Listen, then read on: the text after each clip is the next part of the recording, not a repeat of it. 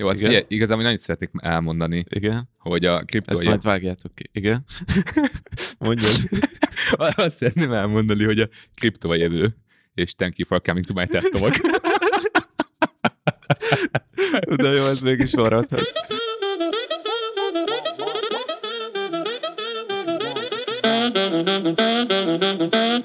Hello, Mester Tomi vagyok, és ez itt a Mi a Matek Podcast, ahol vendégeimmel különböző befektetésekről beszélgetünk.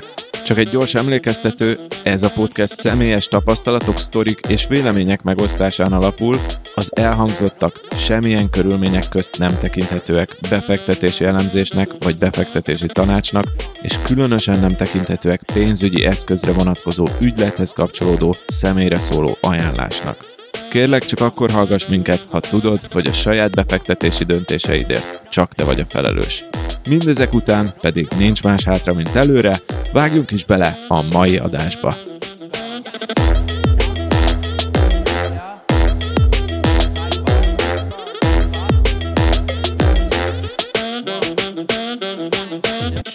Sziasztok, Mester Tomi vagyok, és a mai vendégem Tábori Viktor. Köszönöm szépen, hogy elfogadtad a meghívást, Viktor. Köszönöm a meghívást. És Viktort azért hívtam el, hát neki elég divers a vállalkozói portfóliója, mert most már hat vállalkozást épített fel különböző témákban. Aktuálisan egyébként, hogyha kiemelhetek egyet, az a Food Revolution, ami személyre szabott prémium ételházhoz szállítással foglalkozik, de a prémiumnak tényleg a prémium kategóriájával, tehát válogatott élelmiszerek. De őt nem ezért hívtam ma, hanem azért, mert hogy volt egy kriptóval foglalkozó vállalkozása is, tehát ő konkrétan fejlesztett Ethereum igen, Ethereum hálózaton, igen. Igen, és uh, emellett pedig foglalkozott, tehát a kriptóval olyan mélyen, mélybe menően foglalkozott, hogy, hogy azt gondoltam, hogy mindenképpen érdemes lenne egy kis tudást kicsomagolni az agyából a mai részben.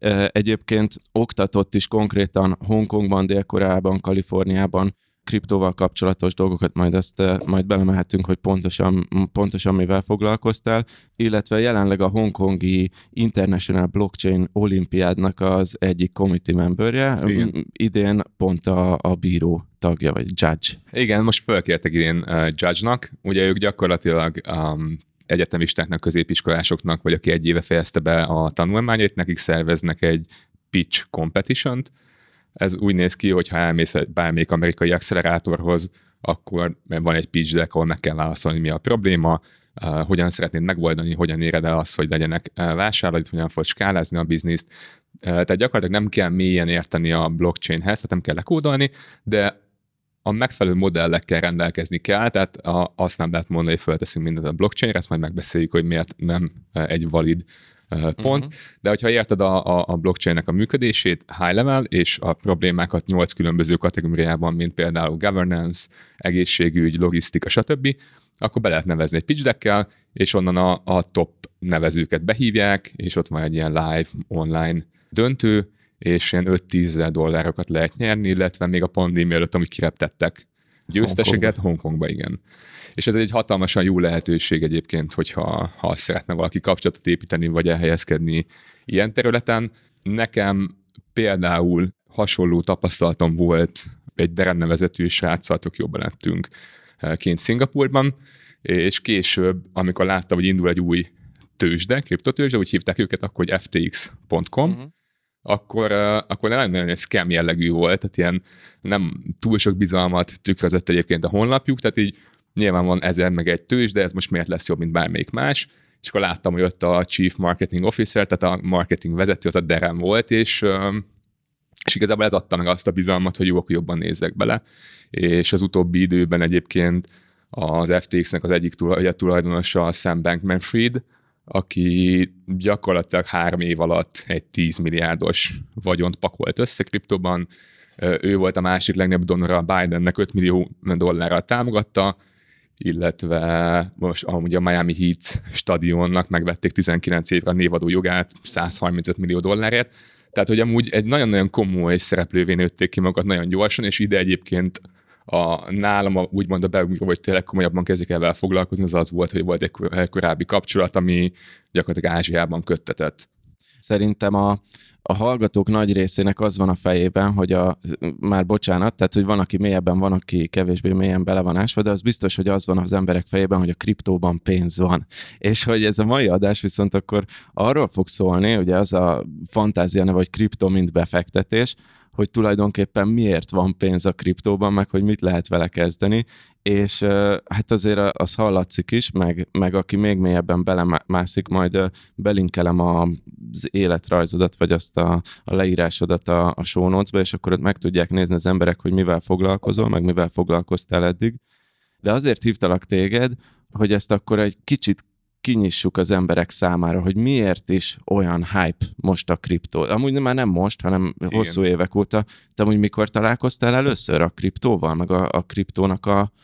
Úgy viszonylag korán még a, a, volt egy Silk Road nevezetű dark marketplace az interneten, ahol mindenfélét lehetett venni, ugye nem feltétlenül legális dolgokat, és ott fizetőeszközként. Ez a, amúgy... ez a dark webként. Igen, igen, igen. És ez, a Silk Road-nak a, a fizetőeszköz egyébként bitcoin volt már viszonylag korán, és aztán 2014-ben elkapták az alapítóját, és viszonylag nagy mennyiségű bitcoint foglaltak le. És ez volt az első pont, hogy elkezdtem mélyebben vele foglalkozni. Egy 2014-ben. Igen, igen, igen. Aha. Egy picit hamarabb is hallottam róla, sőt, nekem egyébként volt olyan közeli barátom, aki, aki sokkal hamarabb belásta magát, mint én, tehát én semmiképpen sem mondanám azt, hogy én szuper early adaptor lennék. Viszont ugye az volt az első, hogy tényleg azt mondom, hogy wow, ez, ez valami azért komoly lehet, illetve ugye akkor tájt volt, hogy például Wikileaks-nek letiltották a szponzorációs lehetőséget a különböző bankkártyatárságok, és akkor elkezdtek bit, bitcoint elfogadni, amivel egyébként hosszú távon nagyon-nagyon jól jártak. És hogyha megnézzük, hogy az volt az előző kérdésed, hogy miért van benne pénz, mert miért, miért egyáltalán miért hát miért pénz ekkora hype? Most Igen. nem is feltétlenül Igen. amúgy a pénz az elsődleges kérdés, bár majd nyilván, mivel befektetési podcast, ezért arra is, arra is ki fogunk térni. Ugye, ha, ha megnézzük csak egy a történelmét nagyon-nagyon gyorsan, mert nyilván, ha valakit jobban érdekel, be tudja magát ásni, Ugye maga a Bitcoin az első olyan, és ez is egyébként maga a white paperüknek a neve, hogy ez a peer-to-peer uh, payment network, tehát hogy ez emberek közötti fizetési hálózat. Ugye, ha a történelmet megnézzük, akkor volt egy időpont, amikor szétvált ugye az állam az egyháztól, és ugye gyakorlatilag a bitcoin az a pont, hogy elkezdett elválni a pénz az államtól. Aha. Mert előtte is, ugye főleg az ilyen kriptopánkok, tehát azok az emberek, akik egyébként főleg a személyi szabadságban nagyon hisznek, ők sokat, nagyon-nagyon sokat dolgoztak azon, hogy hogyan lehet olyan pénzt csinálni, aminek nem kell központi szereplőjének lennie. Mert nyilván egy, egy központi banknál, vagy akár egy vízánál felhúzunk egy hatalmas szervertermet, és ott nagyon-nagyon sok tranzakciót tudunk kezelni, de ott nyilván vagy egy single point of failure, tehát ott meg kell bízni a vízában, vagy egy központi szereplő, aki meg kell bízni. És az, hogy ez a fajta bizalom ez nem feltétlen jogos, vagy elvárható, az tök jól mutatja a mostani pandémiás helyzet. Tehát a Jerome Powell, a, a, a Fednek, az amerikai jegy, jegybanknak az elnöke, mondta nem annyira régi interjújában, hogy gyakorlatilag nincsen limitje, hogy mennyi pénzt tudnak nyomtatni, és hogy ez, ez úgy néz ki, hogy egy Excel táblába átérnek nullákat. És nyilván ebben a helyzetben, ahol gyakorlatilag semmilyen gazdasági visszaesés nem elfogadható, és mindenre pénzügyi stimulusra reagálnak, gyakorlatilag a pénznek a vásárló erejét veszíti el. És ezt amúgy kantilon effektnek hívják, hogy a pénznyomtatásra ugye rá eszközöknek az ára fölmegy. Ugye ez nem egy nagy dolog, tehát ha több pénz van a gazdaságban, akkor az első, tehát ugye nyilván több kávét, meg, meg zsömlét nem fogsz menni a boltban, tehát a több pénz elsősorban egyébként befektetési eszközökben csapódik le, és akkor elkezdnek a lakásárak fölmenni, elkezd a mm. tőzsde boomolni, stb. stb. Hát Ez ami most történik. Ami most történik gyakorlatilag, igen. És ez a kantilon effektnek a, a, a lényege az az, hogy, a, hogy nagyon erőteljesen elkezd szétválni a társadalmi olló, tehát aki a társadalomnak az alsóbb rétegeibe tartozik, ott gyakorlatilag 500 forint megtakarításuk nincsen, és ez nagyjából kétharmad az amerikai társadalomnak, ők nem képesek befektetni, hanem ők napra napra élnek, és az ő fizetésük egyébként nagyjából pariban van az inflációval. Nagyon sokáig én azt hittem, hogy az ő fizetésük az elinflálódik. Van egy inflation chart nevezető weboldal, ugyanaz a srác csináltam, mint a Nomad listet, és ott különböző pénzügyi piacoknak, meg, meg, meg a pénzpiacoknak az összetevőinek az egymáshoz hasonlított arányát lehet megnézni. Tehát a, például a pénz supplyhoz, meg lehet nézni, hogy egyébként hogy változik a, az átlagkereset, a mediánkereset, hogy változik a bérlésnek a díja, hogy változik a maga, vagy a CPI-nak hívják, ez a Consumer Price Index. Tehát, hogy ezek a különböző mutatók, ezek például a pénz mennyiséghez képest hogyan változnak. És nagyon sokáig azt hittem, hogy ez persze, tehát, hogy nem ér keves. Tehát azt tudtam, hogy nem ér többet a pénzem, de azt gondoltam, hogy kevesebbet is keresünk. És amúgy ez nem igaz. Tehát, hogy nagyjából a fizetések azok pariban vannak, tehát, hogy jön az infláció, ténylegesen egyébként lekövetik nagyjából a fizetések, viszont ugye nem meglepő módon a, a különböző eszközöknek, akár az arany, meg stb meg a, meg a lakás, meg mindennek az ára, ugye hiába emelkedik, egyébként amúgy olcsóbb lesz. Vagy hát ugye reál értékén úgy jársz jól, hogyha be van fektetve valamibe a pénzen. És ugye ennek a kantilon effektnek a, a következménye, hogy szétválik az olló, és ugye a gazdagabb, gazdagabb lesz a szegényebb, az meg lemarad, tehát az nem hátrébb csúszik, az csak marad egyetlen egy szinten. És van egy ilyen weboldal, hogy what the fuck happened in 1971, tehát hogy mi, mi a fasz történt 1971-ben, és ott rengeteg olyan információ van, hogy, hogy gyakorlatilag az volt az a pont a történelemben, amikor nagyon erőteljesen elkezdett nőni a társadalmi szakadék, és ugye akkor történt az, hogy, hogy az dollárnak az arany fedezetét megszüntették. Tehát végtelen pénzt tudnak nyomtatni, és nyomtatnak is, ahogy most látjuk, és ezzel egyébként az átlagember nem jár jól. És ugye erre volt egy ilyen CryptoPunk reakció, vagy erre a jelenségre, hogy egyébként az emberek miért ne tudnának saját pénzt generálni, és ezt elsőnek ezeknek az elemét, aki összepakolta, hogy ez Satoshi Nakamoto, ami lehet egy csapat, lehet egy ember, lehet akár egy mm, CIA is, tehát ezt nem tudjuk, hogy ki volt mögötte, ő összetette annak a, annak a struktúráját, hogy hogyan lehet elosztottan, bizalm, bizalmi központ nélkül, tehát nem kell semmilyen központi szereplőben megbíznod, hogyan tudsz pénzt gyakorlatilag küldeni, fogadni, és, és egy, egy pénzügyi, alternatív pénzügyi rendszert felépít. Ő amúgy a bitcoinnak a mega, megalkotója, és hát van ez a legenda, hogy, vagy hát nem legenda, ez tény, hogy senki sem tudja, hogy kicsoda Persze. ő valójában. Igen, igen. És ugye egyébként tök érdekes, mert van, nyilván vannak találgatások, hogy ki lehet, és például egy, egy Nick Szabó nevezetű ember, akinek eléggé magyaros a, a, a neve, ő egyébként talán az egyik leginkább releváns személy, akire azt, gondolnak, azt gondolják, hogy lehet, hogy ő volt, aki, aki összetette. Én ebben egyébként kételkedem, de igen, tehát valójában nem tudjuk, hogy ki áll mögötte. És amúgy miért van bitcoin? Mármint úgy értem, hogy mi indokolta azt, hogy a bitcoin létrejöjjön, és mi indokolja azt, hogy hosszú évek óta életben is van? Hát egy picit hátrébb lépünk, hogy mi a környezet, vagy mi a, a kontextus, akkor a maga a bitcoin az egy skálázási megoldás, tehát az, a, azt segíti, hogy a társadalom az minél nagyobb számban tudjon együttműködni, hatékonyan. Mert ha megnézzük, akkor a pszichológia szerint 150 kapcsolatot tudunk menedzselni e, egy szemében, és hogyha a Harari-nak a könyveit nézzük a történelem e, folyásáról, ő azt mondja, hogy a történeteket, tehát a sztorikat azért találta ki az emberiség, hogy tudjon skálázódni. És akkor erre tök jó példa a vallás például, az országok, jogrendszer, tehát ezek mind olyan dolgok, amik ugye nem megfoghatóak, nem materi- materiálisak, tehát egy, egy cégnek hol van a, tehát az hol létezik, hol van pontosan a cég, az a headquarter, a virágok a, a kertjében, vagy, vagy pontosan hol. És igazából ugye ezek nem léteznek, ezek ugye megegyezés kérdése, tehát hogy a, a, nagyon sokan egyetértenek abban, hogy ha valami be van jegyezve virtuálisan egy, egy mappába, akkor az egy létező cég. Ez egyfajta ilyen hit. Igen, és nem egy... csak vallás lehet hit, nem, hanem egy abszolút. cégben is hiszünk, hogy létezik. Abszolút, és egy milyen nagyon sokan elhisszük, ezért ezzel, ezzel nagyon hatékonyan tudjuk növelni az együttműködést minél több ember között. És ha megnézzük a, az internet, ugye nagyon-nagyon nagy hatással volt, főleg az információhoz való hozzáféréshez, tehát ugye bárki szabadon hozzáférhet bármilyen információhoz, és a mai világban már egy feltöltött okostelefonnal sokkal messzebb tudsz jutni, mint bármelyik könyvtárba, hogyha be tudsz menni. És a, de a gazdasági részét igazából nem érintette még a, az internetet, ez a gazdasági aspektus, vagy a pénzaspektus, ez így kimaradt az internetből, és ha megnézzük az első blokkot, ami a, a bitcoin létrejött, akkor egy 2009-es január 3-ai The Times cím van benne, hogy Chancellor on brink of second bailout for banks, ami nagyjából azt jelenti, hogy a kancellár a bankok második megmentésének küszöbén áll. Ez micsoda, ez még egyszer, hogy ez benne hát, van a... Igen, igen, igen. Tehát, hogyha, ha megnézed, a, tehát ugye ezt meg szabadon ugye mindenki meg tudja nézni, hogy a különböző blokkokban mi, milyen tranzakciók vannak, és ugye nem csak tranzakciók lehetnek a bitcoin, hanem szöveges információ is, meg minimális szinten programozható is.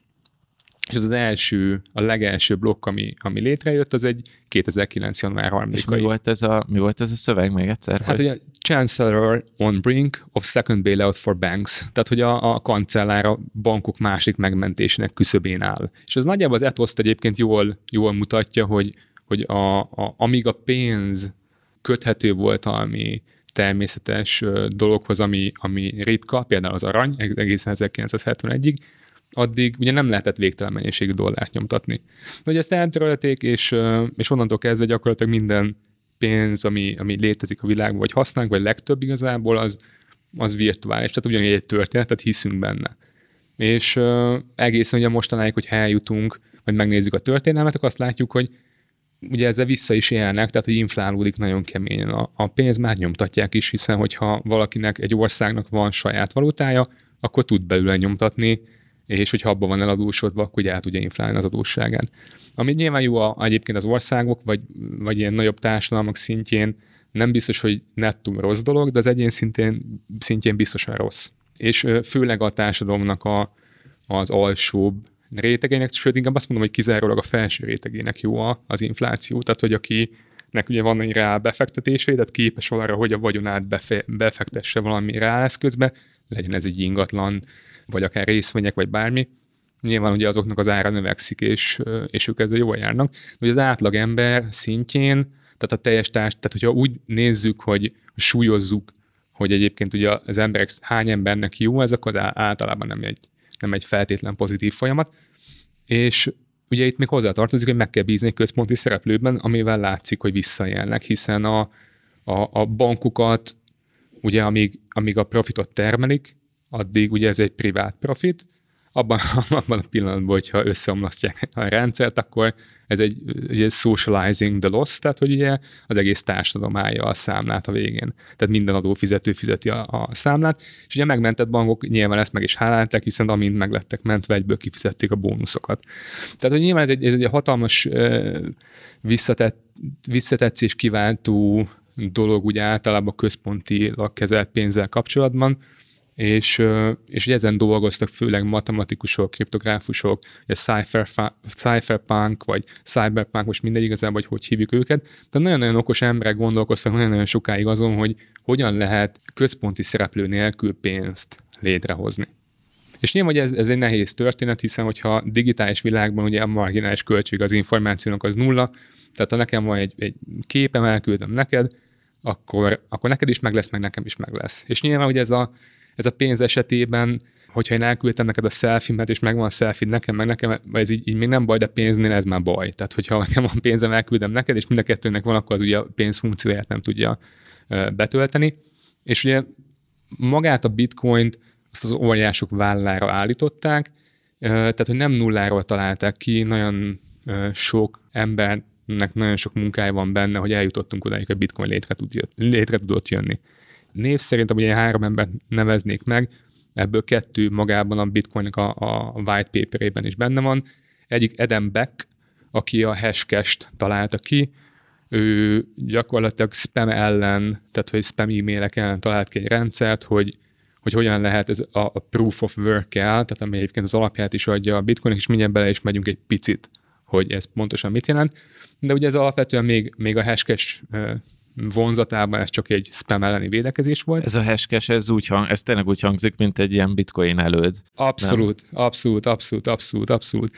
És egyébként a, a legelső hivatkozás, tehát a legelső referencia magában a white paper, az a Wei Dai-nak nevez, neki volt egy koncepcionális pénz, ami egy az egyben megfelel egyébként a bitcoinnak, de ő utólag azt nyilatkozta, hogy amennyire ő tudja, a Satoshi Nakamoto utólag vette észre, vagy jött rá arra, hogy ezt már valaki kitalálta, és akkor lehivatkozta. Akkor lehet, hogy ő a Satoshi igazából, nem? Nem túl valószínű, ez 1998-ban volt, és te eltelt pontosan 10 év, és, és akkor még pont 2008 előtt volt Nick Szabó, aki a saját blogján, ő egyébként egy informatikus és, és jogász, aki a saját blogján írt arról, hogy ő majd a saját pénzét azt majd mindjárt nem sokára létre fogja hozni, és ő egy abszolút reneszánsz ember, és ő találta ki egyébként magá azt, azt a kifejezést is, hogy smart contract, ez még 1997-ben volt. Úgyhogy itt nagyon tényleg nagyon okos embernek a vállára építkezve, gyakorlatilag én inkább azt mondanám, hogy a bitcoint azt összeállították, mint sem azt, hogy feltétlenül kitalálták. Ha itt meg, meg szeretnénk érteni azt, hogy technológiák hogyan működik, nem kell nagyon belemenni, de szerintem van pár olyan koncepció, ami hogyha tisztában vagyunk, akkor segít gondolkozni, tehát megértjük, hogy mi a bitcoin, meg mi nem. Itt a privát, meg publikus kulcsú titkosítás, a hash, meg magának a proof of work-nek a, a koncepcióját szeretném egy picit belemenni, hogyha most így oké. Okay. Aha, igen, a, az a kérdés itt mindig, hogy ez mennyire technikai, tehát, hogy mennyire lesz ez felfogható a, a hétköznapi ember számára? Vagy ez, meg az egész bitcoinnál, hogy ez programozóknak van-e, vagy hétköznapi embereknek, szerinted ezt meg lehet úgy fogalmazni, hogy mindenki megértse? Én azt gondolom, hogy igen nem az, nem, az, nem az az állításom, hogy mindenki ki tud dolgozni egy ilyen rendszert, tehát magától ki tudja találni, mert nyilván ezek annál bonyolultabbak, de a koncepciókat meg lehet érteni. És hogyha itt még belemegyünk a privát és publikus kulcsú titkosításba, akkor ez azért fontos koncepció, ami igazából csak arról szól, hogy én tudok egy olyan, van egy saját privát titkos kulcsom, amivel alá tudok írni és ez bárki az én publikus kulcsommal tudja hitelesíteni. Tehát igazából, amit én aláírok, azt azt tudják hitelesíteni, hogy tényleg én írtam alá, és más helyettem nem tudja aláírni. Aláírni csak te tudod, Igen. mert nálad van a privát kulcs, de azt, hogy azt tényleg te írtad-e alá, azt mindenki tudja, Igen. mert hogy ez a publikus Igen. kulcs. Igen, okay. és, és, és ugye ez azért fontos koncepció, mert ha ezt megérti valaki, akkor rájön, hogy igazából te nem tulajdonolsz semmit. Tehát ez nem olyan, mint egy aranyrút, hogy beteszed egy széfbe, és akkor az a tiéd, és akkor te beadod a széfet, és akkor arra az időszakra az is a tiéd, hanem itt igazából valójában te egy privát kulcsot ismersz, amivel el lehet mozgatni rajta lévő pénzt. Ez egy fontos koncepció, mert nyilván, hogyha érted, akkor azt is tudod, hogy ezt védeni kell, illetve azt is tudod, hogy ha ezt el, elveszíted, akkor azt úgy nem igazán tudja senki sem visszaadni neked. Ami nem teljesen igaz, mert azért vannak most már olyan pénz, ilyen digitális pénztárca szolgáltatók, ilyen social recovery szolgáltatás létezik, ami azt jelenti, hogy gyakorlatilag meghatározott embereknek odaadod a privát kulcsodnak egy részét, és akkor, hogyha vissza kell szerezni, akkor ők össze tudják tenni neked. Nagyjából így működik egyébként az ilyen közös pénztárca is, ami azt jelenti, hogy például mondjuk mi mondjuk öten összeállunk, és azt mondjuk, hogy szeretnénk mondjuk közös pénzt kezelni, és mondjuk öt ember tudja aláírni, de legalább háromnak kell ezekből aláírni. Ez, ez ilyen multiszig, tehát több aláírásos pénztárcának hívják ezeket. Ugye ez, az, ez, ez arra jó, hogy, hogy nyilván megszünteti, vagy minimalizálja visszaélést. Tehát nem az, hogy most öten vagyunk, és hogyha valaki nincs ott, akkor nem tudunk mit csinálni, de az sincs, hogy most elhatározom, hogy akkor most ebből nem tudom, és balira el fog menni nyaralni, vagy az én aláírás mérdő kevés lesz.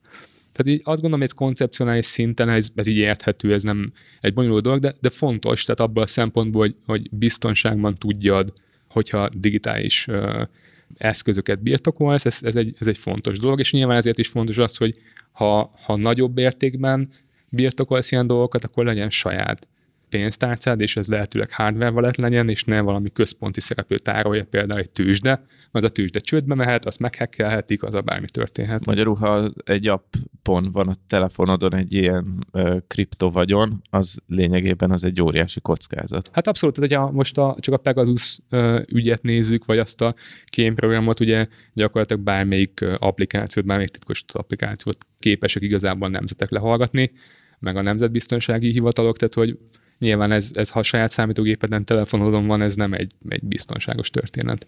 Ez zárójeles rész, de hogy neked van ilyen hardware wallet, amit javasolsz, vagy ami igen, nem befektetési tanács, de ez talán nem a befektetés része, szóval, hogy ilyet szerintem lehet javasolni, hogy van olyan, ami működik, meg a hétköznapi ember számára így használható. Én annyit javasolnék igazából mindenki, és ezt tudom, ezért most nem leszek túl népszerű, hogy igazából googlizon rá, és, és nézem meg, hogy mi az, ami, ami szimpatikus neki, mert azért van több, de most úgy azért nem is javasolnék feltétlenül egy konkrétat, mert nem vagyok teljesen up to date ezekkel kapcsolatban, hogy milyen eszközök vannak. Ugye ez amúgy működik, tehát a, az Ethereumnak az alapítója, Vitalik Buterin, ő, neki van, és ez cold walletnek hívják, tehát minden olyan, ami nem elektronikus eszközön van, és ő azt csinálta, hogy a privát kulcsot ezt fizikailag több helyen a világban, azt hiszem három helyen, tehát hogy Szingapur meg Kanadában, mert még valahol helyezte el, és akkor onnan el akartam mozgatni, mert kapott ajándékba a Dogecoin-t, vagy nem is tudom, hogy mit kapott ajándékba, akkor a szüleit föl kellett hívni, akkor keressék elő a papírt, és akkor diktálják be, és akkor összeadt a számológéppel. Na szóval, tehát hogy nyilván ez teljesen manuálisan is működik, ezt egy hardware wallet azért nagyban megkönnyíti. Jó, oké. Okay. Viszont akkor vissza a többi fogalomhoz, hogy volt a hash.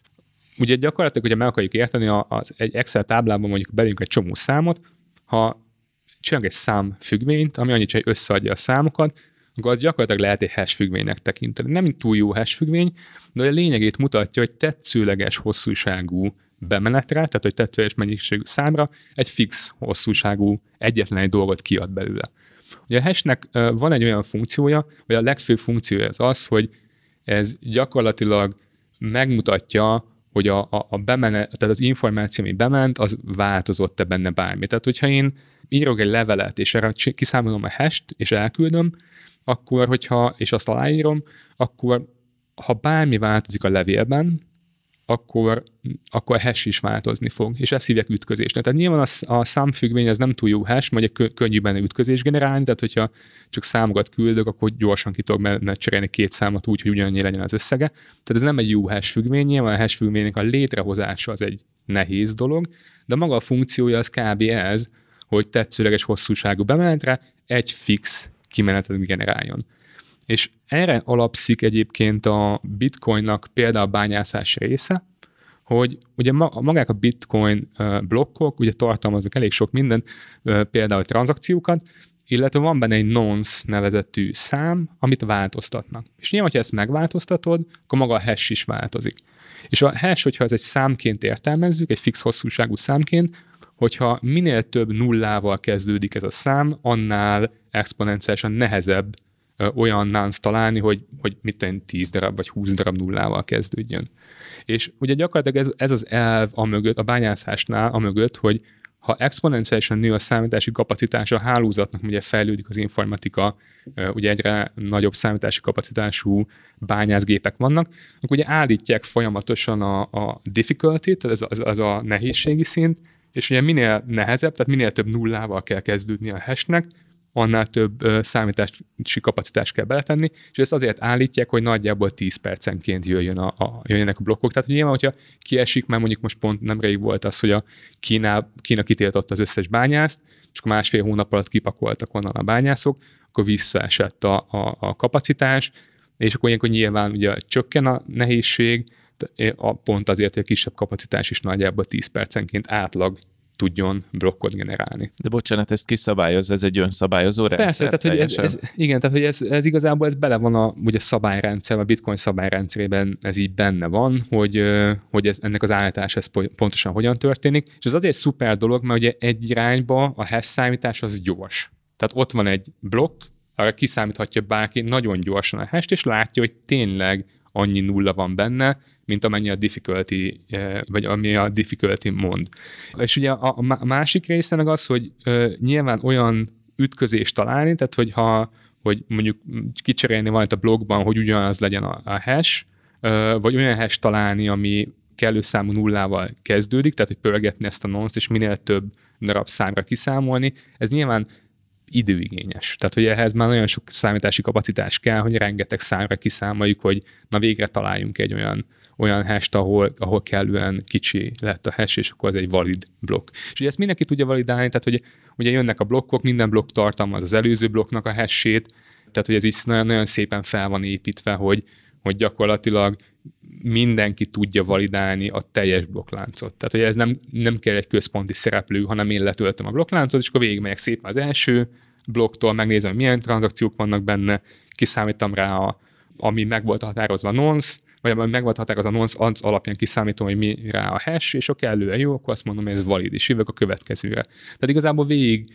az összes, a teljes láncot lehet validálni, és itt nem kell megbízni senkiben, és ez, ez egy nagyon szuper rendszer arra, hogy ha én elköltöttem egy pénzt, és ez benne volt egy adott blogban, akkor utána későbbiekben már nem, tud, nem tudom még egyszer elkölteni, hiszen látszik, hogy az már el lett költve. Nekem ez ilyen nem technikai szemmel nézve, vagy kül- külső szemmel nézve, úgyhogy én ehhez nem értek komolyabban. Ez úgy hangzik, hogy a, mind a privát kulcs, meg a publikus kulcs, meg mindez a hash számítás, ez arról szól, hogy egy irányba lehet nagyon gyorsan, meg egyszerűen menni, a másik irányba meg gyakorlatilag lehetetlen, azt akarjuk blokkolni, és igazából, hogyha jól értelmezem, amit mondasz, ez adja meg annak a kulcsát, hogy a pénzköltés az egy irányba menjen, tehát hogy történelem legyen az, hogy elköltöttem a pénzt, és nem pedig egy kétirányú folyamat. Igen. Pontosan, tehát hogy, hogy igazából ez a proof of work rész, ez a hash számítás, vagy a nonszuknak a pörgetése, és akkor meg annak a keresése, hogy milyen, tehát hogy mikor lesz kellően kicsi a, a hash, és ugye ez, ez emiatt, mivel ez kellően nehéz, és hogy ez nagyjából 10 percenként találnak egy-egy blokkot, ugye nyilván ez, ez nehezíti meg annak a dolgát, hogy, hogy hirtelen mondjuk valaki a semmiből előkér egy rohadt nagy számítási kapacitással, és akkor mondjuk át tudja írni a történelmet. De ugye a történelmet igazából nem átírni tudja, csak törölni tud belőle. Tehát, hogyha itt értjük, visszamegyünk, vagy visszautalunk a privát kulcsos titkosításra, akkor ugye a privát kulcssal én aláírom a tranzakciómat, azt beküldöm a hálózatba, és a bányászok azok majd valamikor beteszik egyik blogba. De ugye ők nem tudnak az én pénzemet, nem tudják helyettem elkölteni. Tehát ha az én privát kulcsom az nem kerül ki, ők nem tudják ezt elkölteni.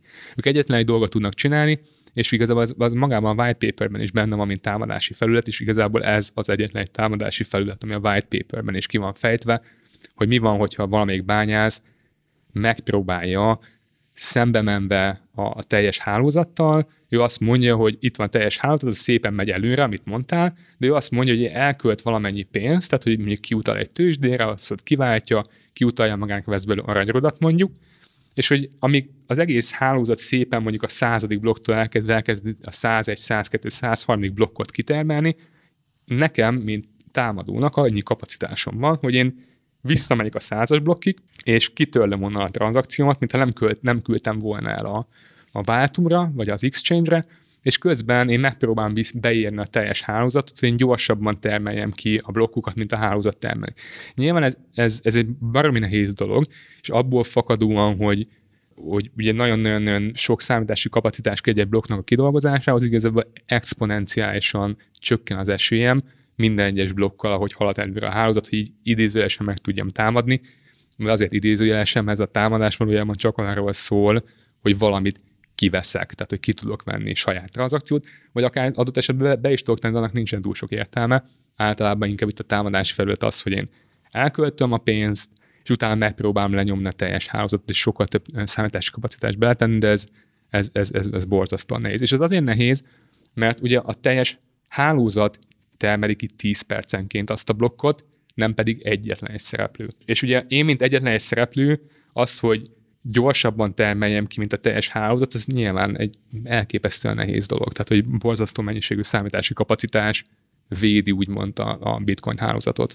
De ez olyan szempontból azért veszélyes, hogyha ez egyszer megtörténik, és volt egyszer egy kamu hír, emlékszem, kb. egy évvel ezelőtt, vagy talán még idén, hogy ez megtörtént, az, hogy valaki kitörölte, vagy kétszer, akkor az egész bizalom elvész a bitcoin mögül, és akkor egy kártyavárként omlik össze az egész. Az amúgy tényleg kamu hír volt, de emlékszem, meg a kamu hír hatására is esett valamennyit a bitcoin az a, a, Abszolút, abszolút. Igazából ugye ez reálisan, tehát aki mondjuk ért hozzá, az azért az, az, az viszonylag könnyű belátni, hogy ez nem, nem reális támadási felület magánál a, a, a bitcoinnál, más hálózatoknál igen. Tehát, hogy a kisebb ö, olyan chaineknél, ami mögött nincs ilyen borzasztó egy számítási kapacitás, ott egyébként ez szokott is lenni. Tehát ott, ott, de ugye ők nem, ők nem meghatározó szereplők a teljes kriptóra vetítve, mint, mint, mint egy bizalmi forrás. Tehát nyilván a bitcoin az, az egy olyan dolog, amire mindenki alapoz. Tehát az, az ő az atlasz gyakorlatilag, ami az egész világot cipeli a vállán,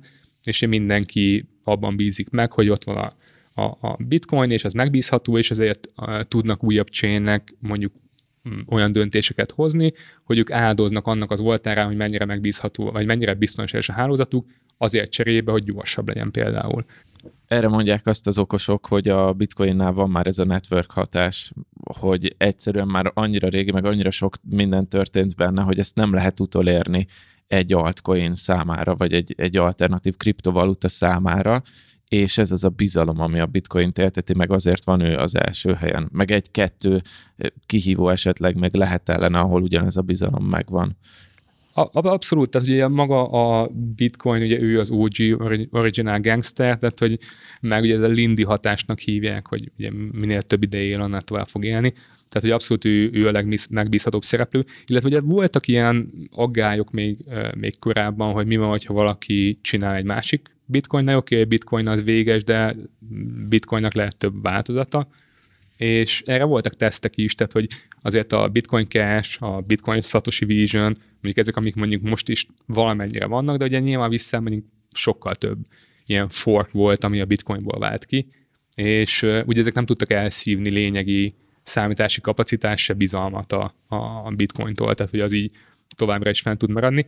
Illetve ugye azért magának a, a, a Bitcoinnak van egy olyan aspektusa, ami, ami miatt működik, és a, Commodities uh, Futures Trading uh, Commissionnek, tehát a CFTC-nek az elnöke nyilatkozta azt, hogy a bitcoin nélkül nem lenne blockchain.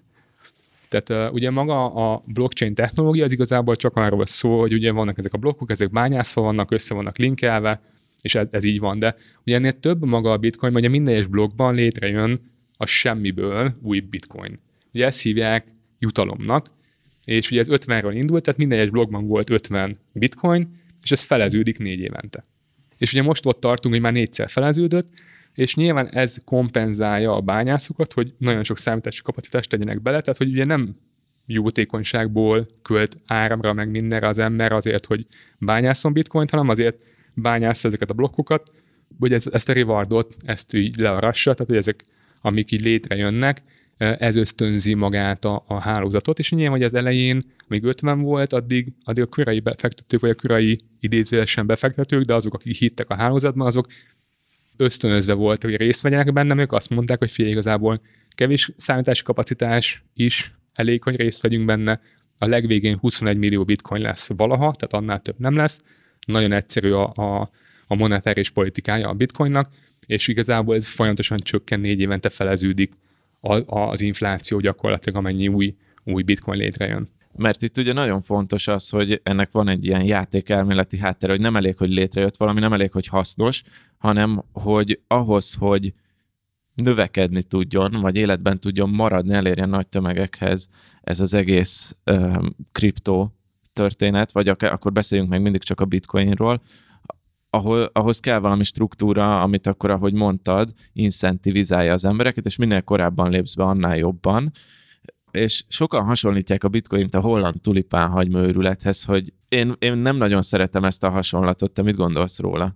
korai ösztönzést ezt hívják tokenomicsnak, ugye economics, tehát a, tehát a gazdaságra rímelve használják azt, hogy a tokenekkel hogyan ösztönöznek, vagy szarkasztikusabban ezt hívják ponzinomicsnak is, tehát hogy ez a pilóta játékos, piramis játékos rendszer. Ugye már, ha megnézzük, hogy mi az a, a piramis játék, ugye ott a korai befektetőket a későbbi belépőknek a befizetéseiből fizetik ki, és ugye valós dolog nincs mögötte. Tehát ez, ez, ez, ez így a definíció magának a, a piramis játéknak. És illegális.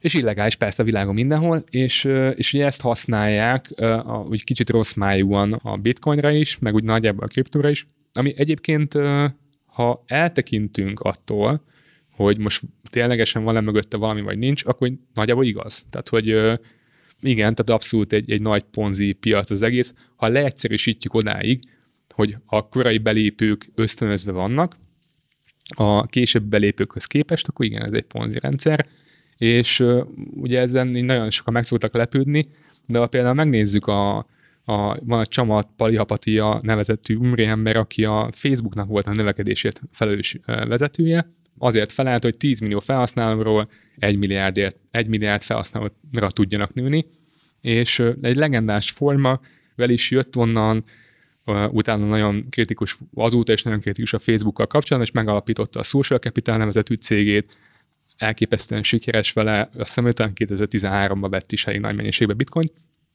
és neki van egy Stanfordos előadása, ahol arról beszél, hogy maga a kockázati tőke, az miért piramis játék. És ott azt, azt használja, azt, vagy igazából azt illusztrálja, hogy egy korai befektető, aki beszáll egy startupba, az mondja a, befe- a, a startupnak, hogy figyelj, nőjetek. Ugye nem számít az, hogy kijön a matek, vagy az üzleti modell az jó-e, mert majd később találunk módot arra, hogy monetizáljuk a piacot, stb. stb. nőjetek. És ezért a befektetett pénznek a kétharmada az instant megy a Google, az Facebookhoz hirdetés formájában, és akkor növekszik a cég nem meglepő módon. És akkor erre nyilván jön a következő körös befektető, hú, hú, itt van egy gyorsan növekvő cég, hogy gyorsan beszállunk. És nyilván, hogy a korai befektetők itt már egyébként realizálnak valamennyi hasznot, de ugye újraindul ugyanez a kör, hogy akkor hát itt a pénz, srácok, növekedjetek, akkor még több pénzt költenek növekedésre, és akkor jön a következő körös befektetés, akkor aki a legelsőnek volt benne, ő azt mondja, hú, hú, én milyen okos vagyok, hát csináltam egy csomó pénzt, akkor most szépen bevonok egy nagyobb tőkét, különböző befektetőktől, és akkor majd saját befektetés alapot fogok menedzselni, és igazából ugye a korai befektetők, a későbbi befektetők által befizetett pénzből vannak kompenzálva, úgy, hogy egyébként, ha úgy vesszük, hogy van-e alapja az egésznek, akkor mondhatjuk, hogy persze van, van mögött egy startup, de ugye ezen a ponton semmilyen szinten nincs még az validálva, hogy az üzleti modellt valójában meg fogják-e találni valaha. És ugye így, hát legendás cégek vannak, például Uber, aki szerintem soha az világ, tehát soha az életben nem volt még nyereséges, de már tőzsdén van. Igen, de, de, de lehet, hogy most már éppen az, tehát sajnos nem vagyok ebben up to date, de ugye tőzsdéig el lehet tolni ugye egy céget, hogy igazából soha nem volt nyereséges. És, és ugye, ha így nézzük, akkor maga a kockázati tőke befektetés is, ebben csamatnak teljesen igaza van, hogy az is egy ponzi, idézőjelesen, és igen, tehát hogyha azt nézzük, hogy a kriptoknál ugye semmiből kell csinálni valamit, tehát ugye igazából a történelem folyamán ennyire uh, nyilvánosan és ennyire transzparensen pénz még a semmiből nem lett létrehozva, hogy pénzügyi rendszer. Tehát, hogy igazából a, ha azt nézzük, hogy persze az internet ugye nagyon-nagyon sok mindent megreformált, meg, meg, meg segített, meg még egy nettó pozitív hatás, azért a pénzügyi világra nem volt még, még hatalmas ö, hatással, tehát hogy igazából azt nem reformált meg, hogy Isten igazán. De azért jöttek ki jó dolgok végső soron, most ha ezt a is példát nézem, akkor jó, oké, a mohóság vezérli az egészet, de összességében vannak olyan cégek, amik a mohóságnak hála idézőjelben olyan nagyra tudtak nőni, hogy tudtak már értéket teremteni. Illetve most az Uber is, igen, az lehet, hogy nem profitábilis, de végső soron eljuttatott A-ból B-be engem olcsóbban, mint egy taxi, tehát nekem jó volt most igen, az, hogy ez, a, ez, ez egy örök ellentét lesz szerintem, hogy ami az egy embernek jó, az a társadalomnak ugyanúgy tud-e jó lenni. Ezt most már, hogy minél többet tanulok erről a témáról, ezt majdnem annyira összeegyeztethetetlennek tartom, mint a relativitás elméletet a kvantumfizikával. Amúgy még e-, egy dolgot mondani kell, hogy ugye az én fejemben, meg általában, amikor azt mondják, hogy ponzi, az valójában annyit jelent, hogy a korai befektetők a sokkal jobban vannak incentivizálva, mint a későbbiek. És ugye minden mellett van egy értékítélet is, hogy valaki szerint ennek nincs semmi alapja, meg semmi értéke, mások szerint meg van, az nyilván nem gondolja rá, hogy ponzi. Én abszolút tudok azzal a gondolattal élni, hogy maga a bitcoin egy hatalmas ponzi rendszer, e, ettől függetlenül nem gondolom annak, hogy, hogy nincs, ne, ne lenne uh, intrinzik value-ja, tehát alapvető értéke, szerintem van, és én az én fejemben ez nem egy értékítélet, hanem ez egy feature. Tehát ez egy marketing eszköz. Igen, tehát ez, ez, ez, a, ez egy ez egy, egyetlen egy aspektusa magának a bitcoin rendszer, de ugyan, ugyanúgy minden másnak, tehát hogyha nulláról akarsz egy bármilyen rendszert felépíteni, ott, ott ösztönözni kell a korai befektetőket. Most mondok egy teljesen banális példát, van az ujjamon egy Omra Ring nevezeti okosúra, ami követi az alvásomat meg a testhőmet, meg a sportolást, meg mindenfélét. Most kijött az a harmadik verziója, és ott van egy havi előfizetési rendszer. Tehát ott nem elég, hogy megveszed, nem tudom, 300-400 euróért ezt a gyűrűt, de még havi 6 dollárral legombolnak. És akkor olvastam a, a cikket, akkor mondtam, hogy jó, hát azért elmentek ti a nem tudom hova, és akkor utána kicsit lejjebb scrolloztam, és akkor láttam, hogy a, a, akik az első kettő gyűrűt megvették, azoknak nem kell fizetni, és ugye ez így kvázi meghálálják a korai támogatóknak a támogatását, és akkor itt is egyébként nekem tök jól esik az, hogy, hogy nem kell most havi díjat is fizetnem még egy ilyen fizikai eszközért, amit egyébként tökre szeretek.